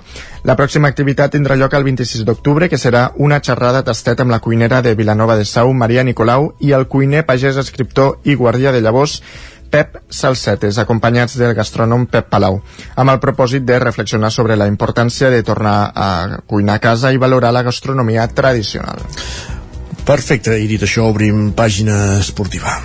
Esports. Perquè la bandàlica BTT de Can de Bànol reunirà uns 175 participants aquest cap de setmana. En parlàvem dimarts a l'entrevista aquí al Territori 17. Isaac Muntades, des de la veu de Sant Joan. Aquest cap de setmana es disputarà la quarta edició de la Vandàlica BTT, una cursa no competitiva de bicicleta de muntanya que portava des del 2019 sense celebrar-se i que està organitzada per la Unió Ciclista Camp de Bànol. Un dels impulsors de la prova, Josep Cano, va reconèixer que havien tingut dificultats per tornar-la a fer, però ara que s'ha engegat la maquinària de nou, pensa que anirà cap endavant i els pròxims anys estarà més consolidada. La competició començarà dissabte a les 3 de la tarda amb la segona edició de la cronovandàlica BTT, una cronoescalada exigent fins a Sant Pere d'Uira de 7 km de distància i 360 metres de desnivell positiu. Una prova sense cap descans i que està feta per la gent que vulgui competir. Diumenge serà el dia més potent amb la celebració de la vandàlica llarga i la curta, que sortiran i arribaran a la plaça de la Mainada. Es donarà el tret de sortida a les 9 per la prova llarga i un quart d'hora més tard sortiran els de la curta. El president de la Unió Ciclista Can de Bànol i director de la cursa, David Ibáñez, explicava el perfil de les proves de diumenge. La curta, que sí que és accessible per la majoria de gent, no és tècnica, és molt, molta pista, bastant ràpida per la gent que tingui nivell de BTT, que seran uns 18 quilòmetres amb uns 500 metres de desnivell acumulat, amb dos avituallaments per si a cas també. La llarga sí que és molt més exigent, perquè la llarga sí que hi ha que sigui una, una prova més complicada, saps? Ja és per nivell alt, més nivell més alt, més tècnic, corriols, no si plou estarà bastant complicat, gent que ja sàpiga traçar, eh, és més exigent. Ja també et, et, et remarco que la llarga, la vandàlica llarga tindrà 30 quilòmetres amb 1.200 de desnivell. A hores d'ara hi ha 150 inscrits entre la vandàlica llarga i la curta i 24 a la cronovandàlica. Després de l'aturada per la pandèmia tenien unes previsions pessimistes però estan per sobre de l'esperat. Cano i Ibáñez comentaven que la prova tornarà a comptar amb corredors de nivell. Aquest any tornem a repetir amb, amb el Joan Jordella, que és l'actual guanyador de l'última edició de, del 2019, i amb la llarga. També tenim el grup de, de Saltoc i Navarra, que també vindran amb ganes d'apretar. Aquest any també tindrem els del rendiment de Catalunya, del Centre de Tecnificació de Ripoll, i els de l'equip del Team Torrent, que també vindran a, a treure el cap i posaran interessant, eh? La prova serà interessant. Remarcant que de socis, molts socis nostres amb nivell, vull dir, com l'Abril Roma, la noia aquesta que està una bona temporada, també la tindrem sí. apuntada. Tenim un nano que pinta molt bé, que és l'Aitor, que és de Ripoll, i a la crono també tenim apuntat en Gerard Cano. La gran novetat d'enguany és la Vandàlica Kids, que serà apta i gratuïta per a nens entre 5 i 11 anys i es farà dissabte a les 10 del matí amb inscripcions al mateix dia. La cursa tindrà uns 3 quilòmetres de distància i 100 metres de desnivell i passarà per dins la població, per la zona del passeig de Can Branques, on també hi haurà un petit circuit. Gràcies, Isaac. Previsió del temps. Casa Terradellos us ofereix el temps. I ja sabeu que parlar del temps al territori 17 és parlar de Pep Acosta. Tornem a una codinenca. Pep, bon dia. Hola, molt bon dia. Què tal? Avui serà un dia molt tranquil, molt tranquil. Uh, no tindrem gairebé uh, cap, cap nuvolada especial, uh, molts pocs núvols, um, un ambient anticiclònic, molt de sol, Uh, i com deia un ambient molt, molt, molt pla, molt tranquil eh? molt, molt poca cosa. A destacar, a destacar la pujada de temperatures. Avui al migdia tornarà tornarem a tenir un ambient molt, molt suau i, i unes temperatures molt, molt agradables per l'època de l'any. Fins i tot una mica de caloret al migdia. Mm, un, un, un panorama que no, no, no agrada, eh? no agrada perquè és que la situació de sequera és molt complicada i sembla que tornem una mica a estiuet, eh? una mica d'estiuet, perquè les màximes seran entre els 22 i els 26 graus.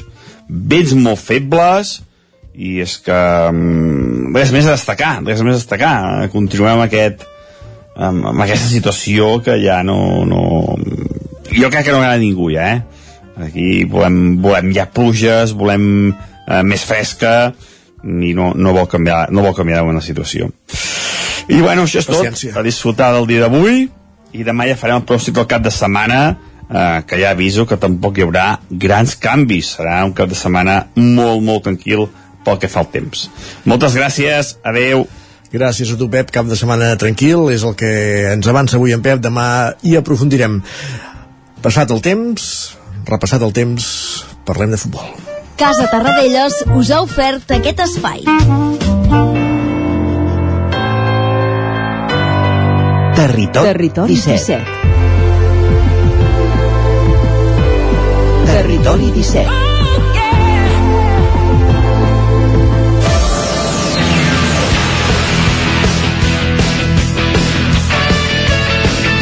Parlem de futbol perquè, com ens avançàvem abans, avui farem tertúlia esportiva després d'aquesta jornada de, de Lliga de Campions d'aquests dos dies, de l'empat de, del Madrid de dimarts, de l'empat del Barça d'ahir davant de l'Inter de, de Milà, eh, en companyia de l'Agustí Danés, en Guillem Sánchez i l'Isaac Muntades. Benvinguts a tots tres. Bon dia.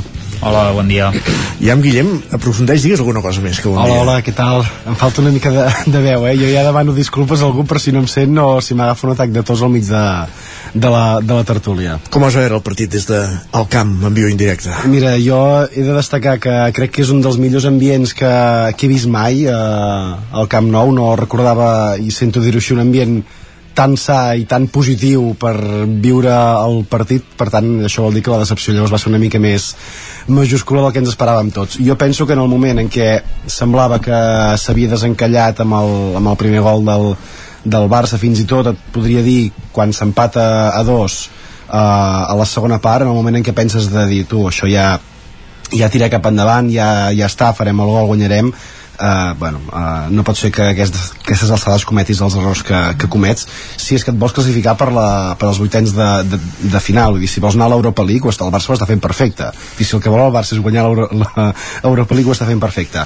Jo el que no m'entra al cap és que a dues jornades del final de la fase de, de grups el Barça pugui començar el partit contra el Bayern ja eliminat de, de, la, de la Champions. Això és una, bueno, una deba debacle bastant, bastant important.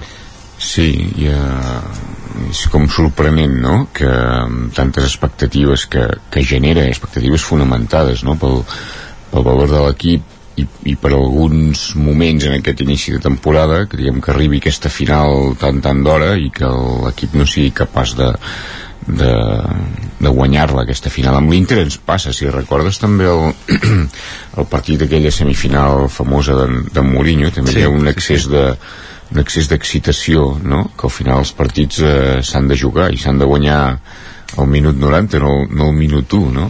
I també s'ha d'administrar el joc. Jo, jo crec que hi, ha, hi, hi va haver dos moments. Jo, jo vaig cometre la, la temeritat de fer un tuit a la mitja part uh, no? que, llavors, que llavors ho sento, no ho sento. Que, que, que llavors no s'entén perquè vaig, vaig pensar que efectivament després de, del, del gol just abans de, del descans però a part del gol hi va haver un seguit d'intangibles que no, que, no, que no reflecteix el marcador en forma d'eufòria, d'una celebració no? Mm. extraordinària dels jugadors, de la banqueta, del públic, que penso que això vol dir que, o volia dir, a mi em sembla que volia dir que tothom estava com molt endollat, no? I vaig fer un pronòstic, així com el Mago Fèlix, i uh, això anirà bé segur, perquè tots aquests elements uh, porten Ens aquí, no? empenyen a pensar que... Però després, la veritat és que no, no? Que aquestes errades així, i, i, bueno, errades errades al final sempre són individuals, mai són col·lectives, no? Però, Però també s'ha de dir que la segona part de l'Inter, després de l'empat, sobretot els 10-15 minuts de, després es va jugar el que va voler l'Inter sense cap tipus de, de problema els últims 5 minuts que pensaves el Barça posarà 39 pilotes a l'àrea pràcticament el Barça no va passar del seu, del seu camp també s'ha de dir que, que això parlaves d'aquesta eliminatòria amb l'Inter de Mourinho que acaba jugant amb, és la d'Eto no? de lateral dret a, aquesta quan l'Eto jugava a l'Inter Uh, ahir també en defensa de, de 5 i amb un porter que no va veure una targeta groga en cap moment per la pèrdua de temps des del minut uh, 1 amb 30, amb 30 segons que són condicionants i factors que quan et van a favor potser no t'hi fixes tant però que també també ajuden però jo penso que l'Inter la segona part la va jugar el que va voler no. i també li van entrar les tres ocasions, quatre que va, sí. I, que va tot, i tot el partit, l'Inter és un bon equip jo crec que va saber quin, quin partit havia de fer i al final però la càrrega de la prova l'has de posar més en el, en el propi equip no? jo crec sí, que sí, sí. Hi, ha, hi ha aquest factor que, que, que és, és, és, és fotut això que aquestes finals t'arribin tant d'hora però una mica també va passar l'any passat i l'any passat llavors sembla que t'eliminés el Bayern quan, quan vas perdre va ser no guanyant el Benfica, no, el Benfica a, casa, a casa, no? Clar, aquests partits de Champions a casa els has de guanyar, no? I l'any passat el Barça no va ser capaç de guanyar el Benfica i aquest any no ha estat capaç de guanyar l'Inter. Després ja pot haver-hi tot de consideracions eh, col·laterals a l'entorn de, dels arbitratges, de la fortuna o mala fortuna en els grups, però almenys guanyar aquests partits de casa hauries de fer-ho i si no si no s'aconsegueix això doncs, i després això té conseqüències de tot tipus, té conseqüències esportives, té conseqüències econòmiques i compromet, compromet una mica... Una temporada que sí, el mes d'octubre ja sí, no tens aquest al·licient, no? segur que és diferent. Amb, el pressupost per ahir arriba a quarts, 40 milions d'euros que, no, que no hi seran amb, amb l'aturada aquesta, no? Vull dir, perquè ara la veritat és que pensar en un miracle, no? Miracles normalment no n'hi ha. El que hi ha a vegades és alguna casualitat estranya. Però pensar... La Victòria Pilsen, que no ha guanyat per cap sí, per no, això, de fet, no? de fet, el més bo és que si el Barça comença el partit amb el Bayern eliminat, això significarà que l'Inter haurà guanyat el Victòria Pilsen, per tant que tindrem la tercera plaça de grup assegurada. Sí. Per tant que jugarem dos partits de Champions sense cap tipus de, de licient ni de, ni de motivació més enllà de guanyar el, el que donguin per cada, perquè no hi ha, no hi ha coincidència d'hora en el... crec que juguen abans, a, tre abans. a tres quarts de set encara, és que més encara, encara ens ho posen pitjor encara, encara pitjor sí, és, que és un, és, és un sí. escenari bastant, bastant trist eh? la veritat és que sí Isaac eh, no, que dic que és, si s'acaba consumant el, el fracàs que com dèieu bé, pràcticament és virtual perquè realment sembla difícil pensar que l'Inter no, no guanya el Victoria Pilsen. També que el Barça ha de guanyar el Bayern al Camp Nou que, potser aquest any doncs, és més factible que, que l'any passat, no? però bueno, em sorprendria eh, que, que el Barça realment tingués una mínima opció de classificar-se, jo crec que ja l'Europa League ja és la vostra competició, ja us donen la benvinguda, hi ha grans equips també l'Europa League, tindran mèrit si l'aconsegueu guanyar, hi ha la Roma de Mourinho, hi ha el Manchester United de Cristiano Ronaldo, vull dir, ja, poder, ja podreu jugar amb alguns equips eh, així bons, mentrestant doncs el Madrid novament s'ha classificat sense despentinar-se. Caldrà veure caldrà veure no, però caldrà veure com va el clàssic d'aquest cap de setmana que també a veure com arriba el Barça de moral, jo no m'enfio mai de, del Barça perquè és un equip que no, no el pots donar per, per mort i que evidentment doncs, es voldran reivindicar. Això sí, si juga Piqué ho teniu clar, eh? perquè la defensa és, és un coladero, és un jugador retirat que no hauria de jugar cap més partit amb la samarreta del Barça, ni ell ni Sergi Busquets però ni Sergi, amb, amb, ni Sergi amb Roberto amb el Madrid cap. es motiva molt, eh, en Piqué és igual, però si està fatal però, però si ahir veu veure la jugada de, de l'empat sí, sí. què estava fent? què estava fent? volant? és que no sé què estava fent perquè eh, o sigui, un, un central que no sap ni traçar la línia del, del fora de joc com aquell qui diu, perquè era claríssima perquè, i teòricament és el més experimentat doncs home, un, és un error bastant infantil després en, en l'altre gol em sembla que l'errada és d'Eric Garcia no? que també comet una errada bastant greu que el, el, davant, el davanter fa una jugada molt brillant però el deixa, el deixa segut no? vull dir, no sé, jo trobo que el Barça en defensa avui ja es parlava de que Condé pot ser que arribi al partit Esperem. veurem en quines condicions hi arriba però, però, però pel vostre bé val més que hi arribi bé, eh? perquè si no però l'errada de, caos, eh? de, de, dels gols l'errada és el primer gol després quan el partit es, es trenca i, eh, Ostres, que, que et deixi, sí, però, deixi Agustí eh? però l'errada és el primer gol i ja dic, i, les, sí, i, sí, i, sí. i d'errades n'hi ha vull dir, això, això sí, sí, passa i, i ja està perquè després quan el partit està molt trencat i tu també has d'anar-te a jugar el tot pel tot llavors et, et poden agafar jo penso que els, el, els altres també va haver parades d'en Ter Stegen no? llavors el partit va anar com, com va anar no? I, i, i hauria pogut acabar amb una victòria de, de l'Inter també. Gràcies a tots tres per ser aquí, acabem el temps eh, anem a publicitat, gràcies a Agustí Danés Isaac Montades, Guillem Sánchez. Fins ara. Tornem a parlar. Déu vagi bé l'Europa League. Gràcies. Avancem al territori 17 eh, fem una pausa per la publicitat. Guillem Sánchez no marxis gaire lluny perquè tot seguit piolades El nou FM, la ràdio de casa, al 92.8 a Deportec estem especialitzats en el tractament d'aigües residuals i el tractament de purins. Donem un servei integral en el tractament de l'aigua, oferint el disseny de la línia hidràulica, reparacions i manteniment, analítiques, formulació i subministrament de productes químics. Ara a Deportec et podem ajudar a obtenir un gran estalvi energètic en la deshidratació de fangs, oferint-te un sistema innovador, el Depordisc. Deportec, ens trobaràs al carrer de la Fusteria 22, al polígon de les Gaules, a Tona. Ja tens la teva disfressa de Halloween? A Manli tenim les més terrorífiques. Vine a buscar caretes i tots els complements que et calguin per passar una nit de por.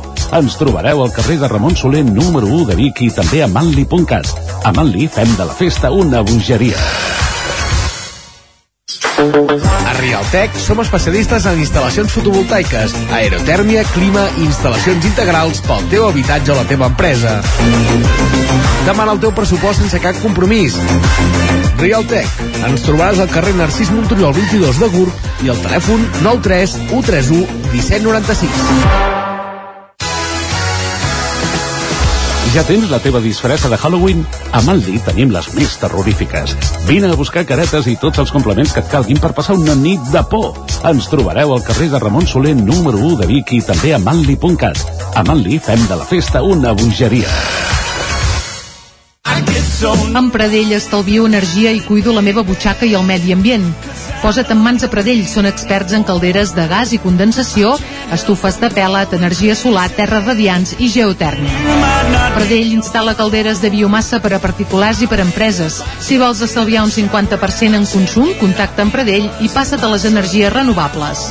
Pradell, som a l'Avinguda Països Catalans 27 de Vic. Telèfon 93 885 11 97. Pradell.cat.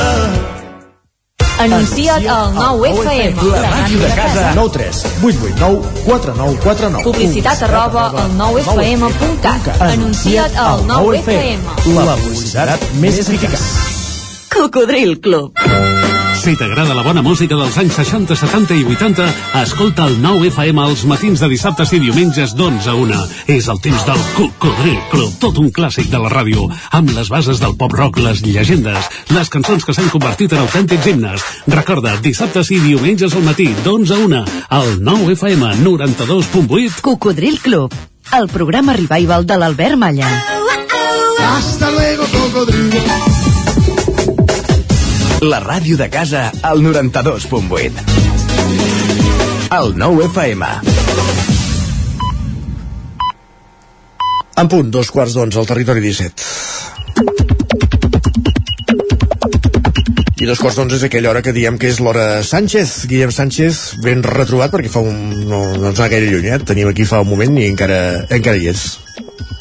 El que no ens sentim, eh, ara, poder? Ara sí, ara sí. I tampoc per canviar massa de, de tema, eh? em sembla, si més no la primera part, perquè com dèiem, eh, ahir els aficionats del Barça van tenir una nit una mica, una mica tràgica i a través de les xarxes i Twitter doncs es pot llegir una bona anàlisi i unes bones opinions de, Aviam, aviam, del aviam. partit d'ahir. Per exemple, en Marc ens escriu Gerard Piqué hauria d'aprendre del gran Carles Puyol. Diu, quan tu mateix veus que ja no aportes, te'n vas cap a casa i et dediques a fer les cagades pel Twitter.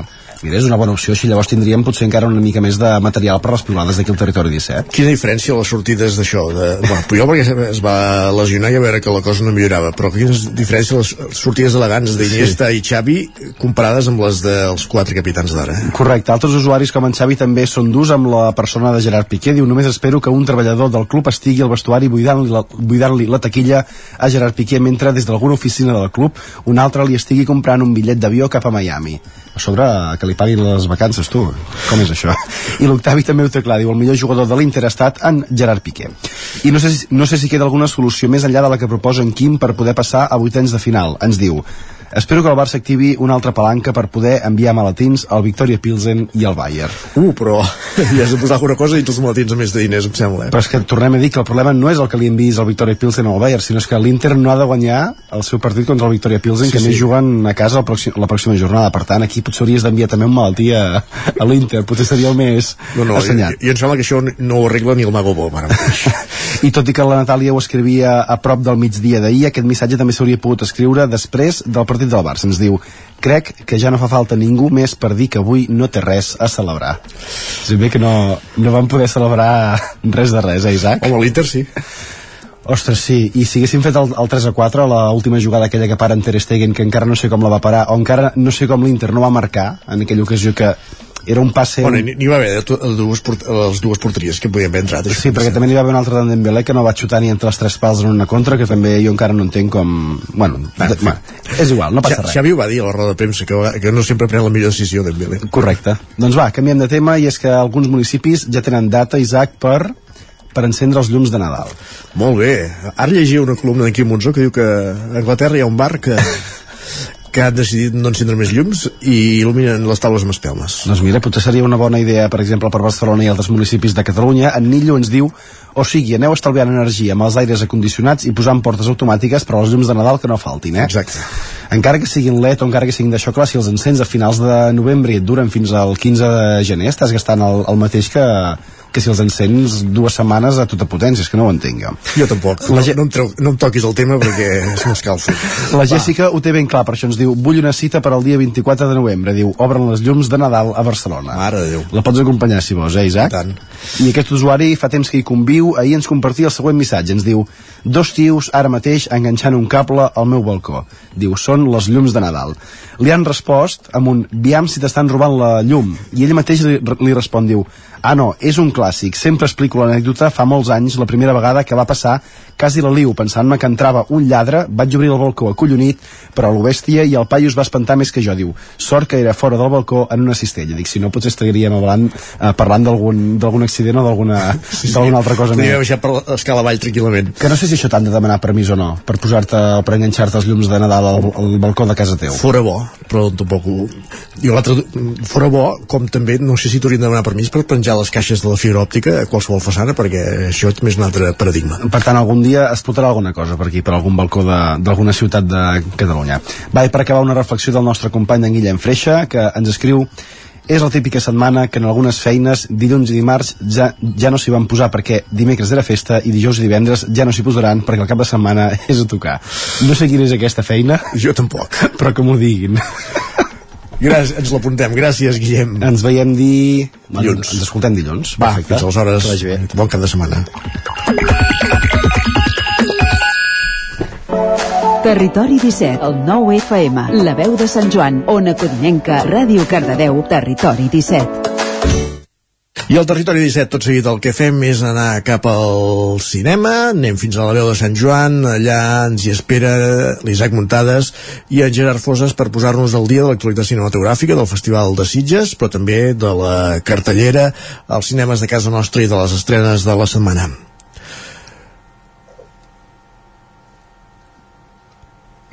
Com dèiem, doncs, anem fins al cinema, la veu de Sant Joan, la secció amb la que cada dijous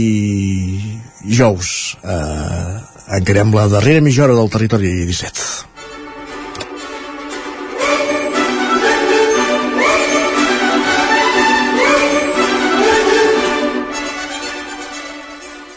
Doncs una vegada més toca parlar de cinema. Ja heu vist que no m'ha canviat eh, la veu, no sóc en Joan Garcia, sóc l'Isaac Muntades, que avui també us explicaré una mica doncs, les estrenes d'aquesta setmana. Recordem que aquest, uh, aquesta setmana també se celebra doncs, el uh, Sitges Film Festival, per tant, doncs, el Festival Internacional de Cinema Fantàstic de Catalunya n'estarem pendents, evidentment, i de fet tenim en Gerard Fosses que ens explicarà una mica, uh, d'aquí una estoneta, doncs, totes les pel·lícules que ell ens recomana, però ara anem una mica per les estrenes d'aquesta setmana. No us explicaré les de terror, us les deixaré per, en, per que us les expliqui en Gerard, i si us sembla, doncs comencem al Cine Sucre de Vic, que tenim dues estrenes eh, interessants. En primer lloc, Òpera Aida.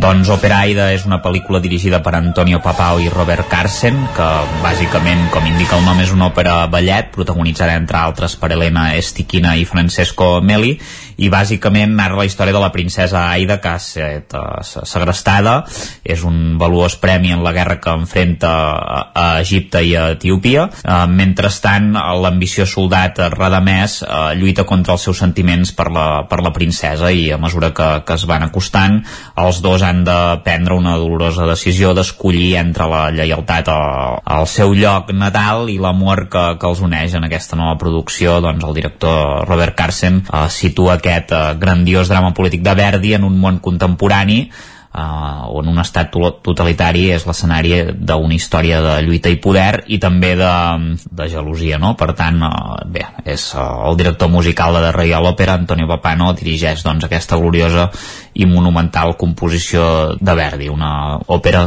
en certa manera uh, portada al cinema. També aquesta setmana al Sucrecina de Vic tenim una altra una altra pel·lícula que val la pena veure, que és uh, la pel·lícula espanyola Girasoles Silvestres. Es que también estoy mejor sola, ¿eh? Paso de los tíos.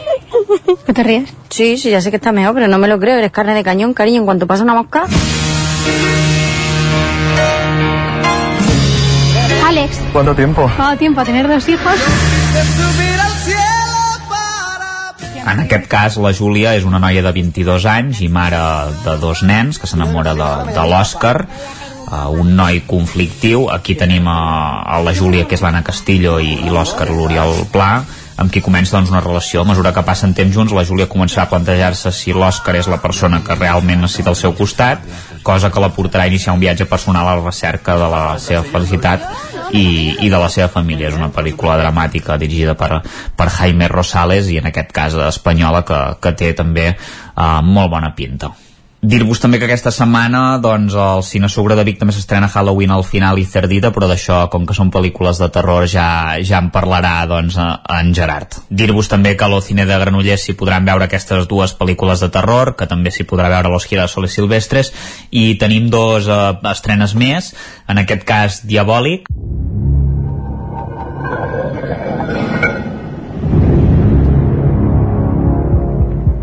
è un uomo.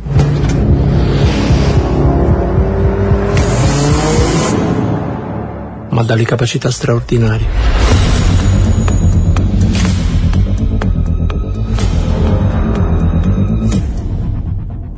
aquesta pel·lícula d'aventures i misteri amb Clàudia Gerini, Valerio Mastandrea a la direcció Antonio Manetti que és una adaptació cinematogràfica de les aventures del personatge creat per Àngela i Luciana Giussani als anys 60 en Diabòlic és un lladre amb milers de disfresses i amb milers de trucs i gràcies doncs, a les seves especials màscares de plàstic és com una mena de, de camaleó que és capaç de mimetitzar-se al seu gust i escapar dels adversaris fins i tot en situacions molt perilloses. I, i bé, és una pel·lícula que, que ha estat nominada a 11 premis de Viti Donatello, per tant força interessant. I pel que fa al cinema infantil doncs eh, una pel·lícula també que molts esperaven. Shinchan Tenkatsu. ¿Por qué está pasando esto? No lo estabais haciendo nada mal. Club de Detectives de Kasukabe. Bienvenidos a la escuela Tenkasu. L'escola Tenkasu se basa en un sistema... Bé, doncs una pel·lícula d'animació en què Shin-chan i els seus amics passen una setmana de prova a la prestigiosa escola Tenkatsu on una intel·ligència artificial doncs, s'encarrega doncs, d'educar els alumnes i un sistema de punts d'elit els permet tenir privilegis. En Kazama vol matricular-se primària en aquest col·legi i es pren l'estada molt de debò, mentre que en Shin-chan i els altres doncs, no sembla importar-los gaire la dinàmica escolar i tot canvia quan en Kazama pateix l'atac d'un misteriós vampir i en Shin-chan, en Bo-chan, en Nene i la Masao s'uneixen a en Xixi o la presidenta del Consell Escolar doncs, per resoldre aquest misteri. I a l'Esbarjo de Cardeu avui mateix s'hi estrena Rebellion. Extinction! Extinction! Fahana Yamin, a climate change lawyer, is arrested after gluing herself to Shell headquarters. I did not do this a long time ago.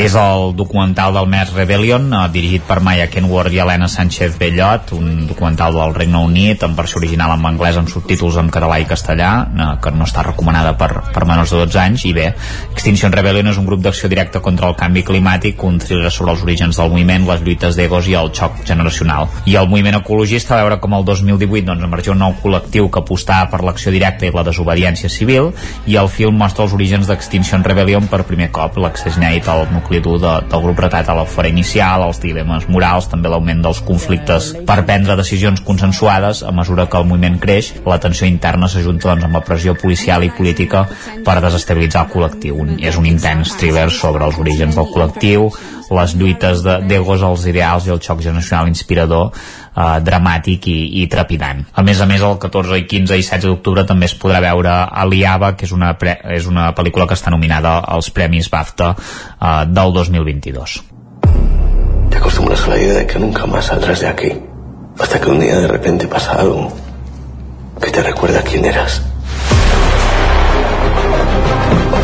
Yo no soy un delincuente. No pueden caerme seis años por eso, no tiene sentido.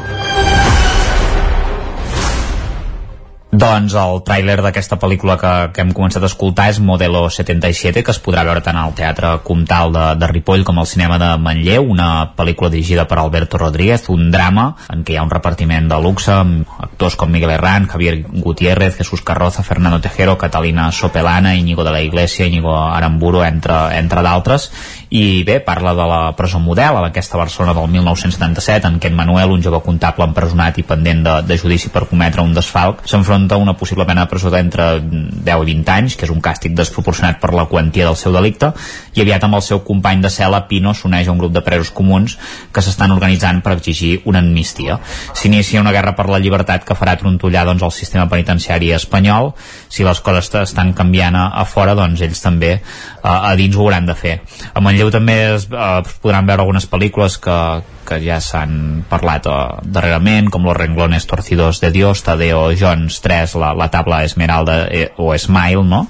Eh, també hi ha la restrena d'Avatar, i d'altra banda doncs el, el casal Camprodoní eh, tant aquest dissabte com diumenge a la sessió de tarda, tant a les 6 com a la, a la sessió de nit a les 10 es podrà veure uh, 42 segundos, que és aquesta pel·lícula que ja sabeu que narra doncs, una mica la història de l'equip olímpic espanyol a les Olimpiades de Barcelona 92 de, del waterpolo i, i bé, que un equip que en principi no era entre els favorits però gràcies a un entrenament sobrehumà doncs acaba arribant a, a la final en aquests uh, Jocs Olímpics. Per acabar, doncs, la programació de, de, del cinema de Catalunya de, de Ribes, parlarem d'aquest cicle Gaudí, que aquest dissabte uh, s'hi podrà veure Toscana.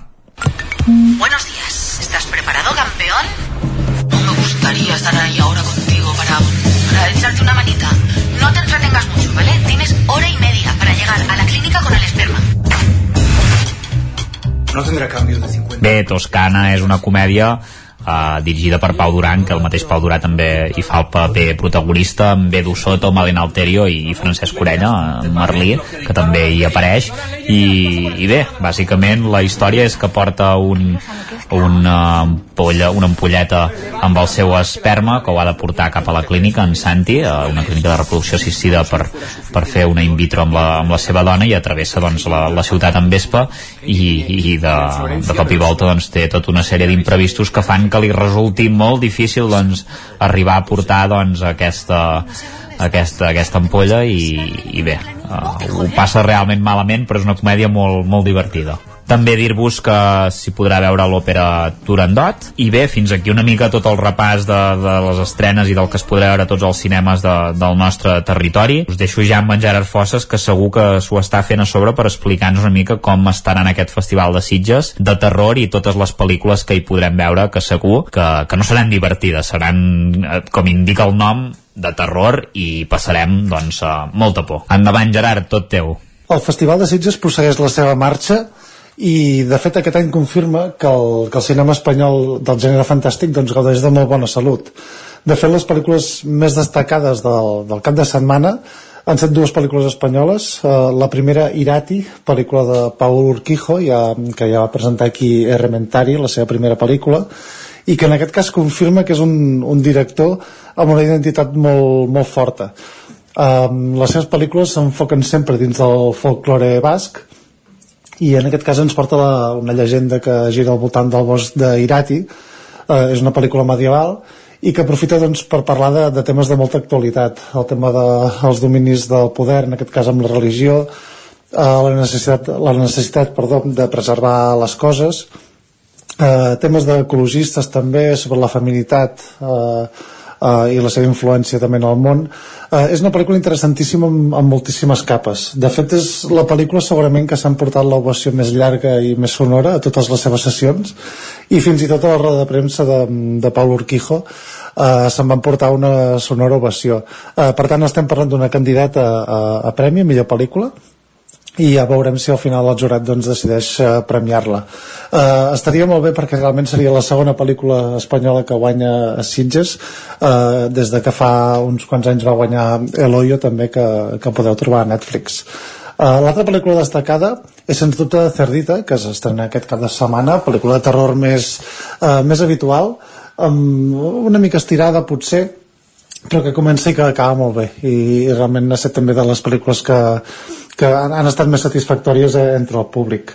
Uh, una altra de molt destacada, que en aquest cas no, no va a competició, és Mantícora, de Carlos Bermud, una pel·lícula uh, molt sorprenent, de la qual és millor no saber massa de què va, Uh, perquè la direcció precisa de Carlos Bermud el que fa precisament és uh, doncs anar-nos dosificant la informació i posar-nos cada cop en dicotomies més complexes no? és molt al voltant de la moral en un cas uh, molt concret d'una malaltia mental i és molt interessant com va desenvolupant tota la pel·lícula amb un ritme molt lent eh, però que alhora doncs, desenvolupa amb molta intensitat eh, més enllà d'aquests films també destaca el film d'animació Unicorn Wars eh, pel·lícula que, que parteix d'un concepte molt, eh, molt graciós que és un, una guerra entre ossos de peluix i unicorns i dintre d'aquest món de fantasia doncs, hi ha un marc de violència molt fosca um, que parla de, de temes també molt, molt actuals en aquest, en aquest cas d'una manera molt, molt explícita um,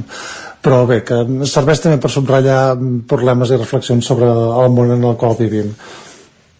Um, després, més enllà del cinema espanyol Uh, destaquen pel·lícules com uh, Els cinc diables, uh, pel·lícula de, de factura belga, um, que a més a més està dintre d'aquest segell que, que ha marcat Sitges de, de, els darrers anys, que és el Woman Infant, um, que bàsicament és un segell que emmarca totes les pel·lícules dirigides per dones, uh, que és una, una aposta molt, molt ferma del Festival de Sitges, hem tingut altres pel·lícules com Polaris també, um, que és um, això també sobre una llegenda um, inuit, i en aquest, en aquest cas Els cinc diables també és una pel·lícula on, on hi ha un pes molt important sobre les decisions que prenem a la vida el tema de la maternitat i, i òbviament hi ha un gènere hi ha, diguem que entra dintre del gènere a, a través de la bruixeria.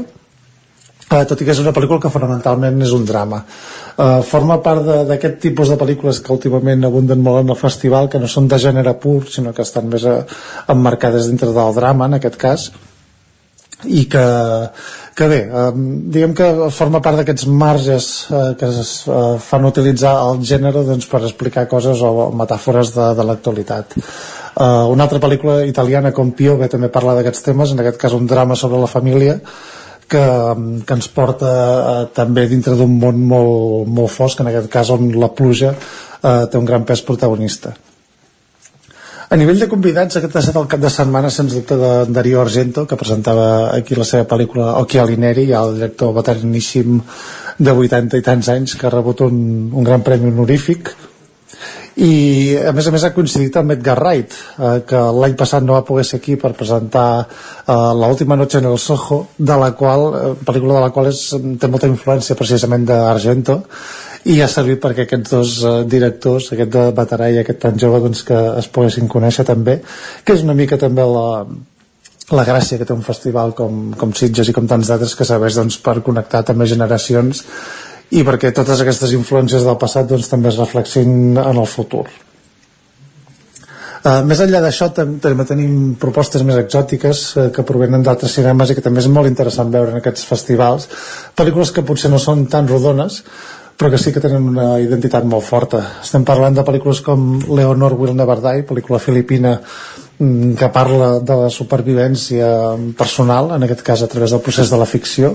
És un exercici metacinematogràfic molt clar, però també amb, amb una aposta molt, molt potent per, per l'espectacle i per la diversió, no? O per coses com Salom, que ve d'Àfrica, i és una pel·lícula de fantasmes eh, basada molt en el cinema de John Carpenter amb una vocació molt comercial i, i que va fer també les delícies del públic uh, la cara contrària són aquestes pel·lícules que venien amb, diguem, amb molt de predicament ja d'altres festivals i aquí doncs demostren que um, potser el, el gènere doncs, també té els seus límits no? Uh, films com per exemple Megalomaniac eh, que és una pel·lícula molt violenta eh, sense cap mena de discurs i òbviament la violència forma part molt intrínseca del cinema de terror però sempre ha servit doncs, per parlar d'alguna cosa per fer-la fer servir per espectacle, per diversió. Eh, sempre el to marca molt l'estil de la violència i en aquest cas estem parlant d'una pel·lícula desenfrenada sense cap mena de discurs com per exemple el que passa també a la danesa Speak No Evil que intenta ser un succedani de Funny Games però en aquest cas eh, sense ideologia no? com sí que tenia el film de Haneke i també destacaríem en la part negativa sens dubte Piaf que és una pel·lícula que parla sobre la formació de la identitat eh, parla molt del tema del gènere líquid en aquest cas també d'una dona que prové del, del videoart i de les performance, que és el que intenta traslladar el seu llenguatge, en aquest cas amb bastant gust, però també amb una pel·lícula molt, molt buida aquestes diríem que serien les grans decepcions del festival eh, on de totes maneres encara queda molt per recórrer i veurem si seguim trobant pel·lícules que, que valguin la pena. Deixem pel final per això la gran anècdota del cap de setmana que ha estat el, segurament el passe que més es recordarà d'aquest uh, Sitges 2022 que va ser un passe a Tramuntana eh, d'una sèrie documental sobre Humo, que és el, diguem que el cas d'ufologia del tema aquest de eh, esotèric d'arribada d'aliens i d'avistament d'ovnis eh, que hi ha hagut a Espanya. Movistar n'ha produït un documental i es va projectar a la sala Tramuntana eh, així un passa amb bastanta gent però bé, és d'aquests que passen discrets també perquè amb les sèries tampoc hi va, hi va tanta gent. Eh, el que va passar al final d'aquest documental és que un senyor es va aixecar i va, va començar a cridar que un mo existe que això significa que està allà com en aquesta teoria de la conspiració seguida. Eh, la gent del públic es va tornar boja literalment a participar una mica d'aquest joc.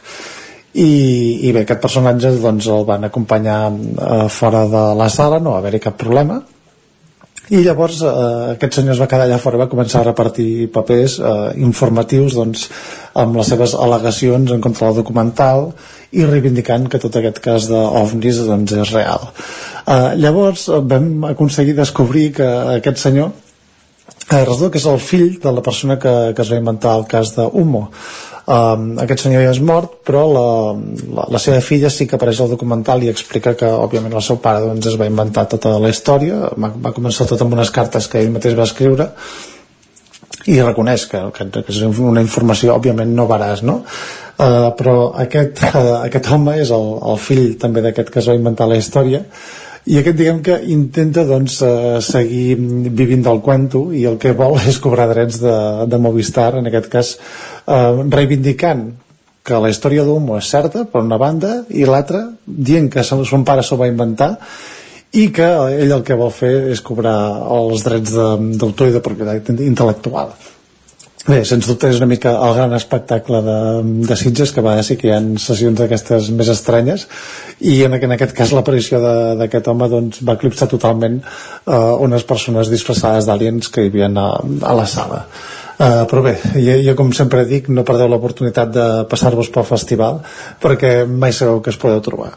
Doncs moltes gràcies a Gerard per aquesta crònica tan extensa del Festival Fantàstic de, de Cinema de Terror de, de Sitges, que sens dubte doncs, ens has aconsellat un munt de pel·lícules i també doncs, a conèixer doncs, aquestes anècdotes que si no hi vas doncs, no, no les pots viure i sens dubte que devia ser un moment força curiós i, i fins i tot divertit en certa manera doncs uh, us en retrobem la setmana vinent ja per acabar de, de parlar d'aquest festival de Sitges i, i per explicar-vos doncs, uh, més cinema, més pel·lícules i més estrenes al nostre territori 17. Doncs perfecte, gràcies Isaac. No marxis gaire lluny, de fet.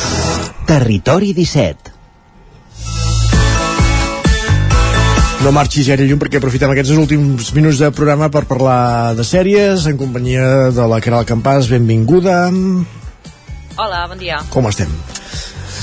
Doncs bé, jo, jo crec que el nostre company Muntades potser no se'ns afegirà, però... No se'ns afegirà? Mira, doncs jo, va, recomana tu. Jo mateixa, sí. Us parlo d'una sèrie que es diu Inside Number 9, que es pot veure a Filmin. És una sèrie britànica de la BBC i, uh, atenció, eh? Uh, en, en els seus capítols podem veure, bueno, històries tan diferents com, per exemple, un sopar entre amics que acaba en ganivetades, Alerta. uns desconeguts que troben un cadàver a un tren, o un home obsessionat per una sabata a la vorera de casa seva. Uh, totes aquestes trames estan unides per uh, la barreja de terror i humor que porten Steven Pam Pemberton i Reis Smith que injecten, podríem dir, a cada capítol d'Inside Number 9, que és aquesta sèrie. A més a més, com a punt curiós, uh, hi ha algun dels capítols que està dirigit per un cineasta català, Guillem Morales.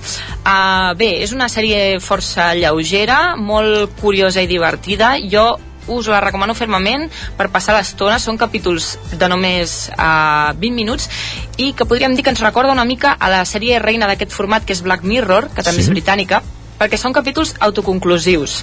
Cada història d'aquestes que us he posat l'exemple, doncs, inicia i acaba en un mateix capítol. Eh, i bé, també una de les curiositats és que els seus doncs, directors, que els he citat també són actors, escriuen i actuen en pràcticament tots els capítols. Eh, i com a curiositat també cada vegada tenen, clar, com que són històries totalment diferents, doncs ells també representen eh, personatges totalment diferents, poden ser d'homes, de, de dones, de gent més gran, de, tots, de, tots, de totes les edats, uh -huh. i està molt bé també veure doncs, com aquestes dos actors i, i guionistes encarnen personatges tan diferents en cada, en cada capítol. Recordem la sèrie i la plataforma, el títol? Vi? Sí, Inside Number 9 es pot veure a Filmin, eh, és de la BBC i ara mateix eh, ja van per la setena temporada. Doncs l'apuntem. Gràcies, Caral, i bon dijous. Merci.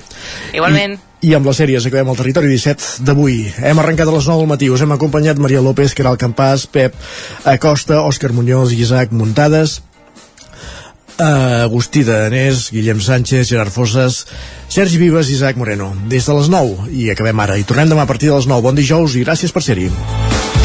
Territori 17 un magazín del nou FM. La veu de Sant Joan, Ona Codinenca i Ràdio Cardedeu amb el suport de la xarxa.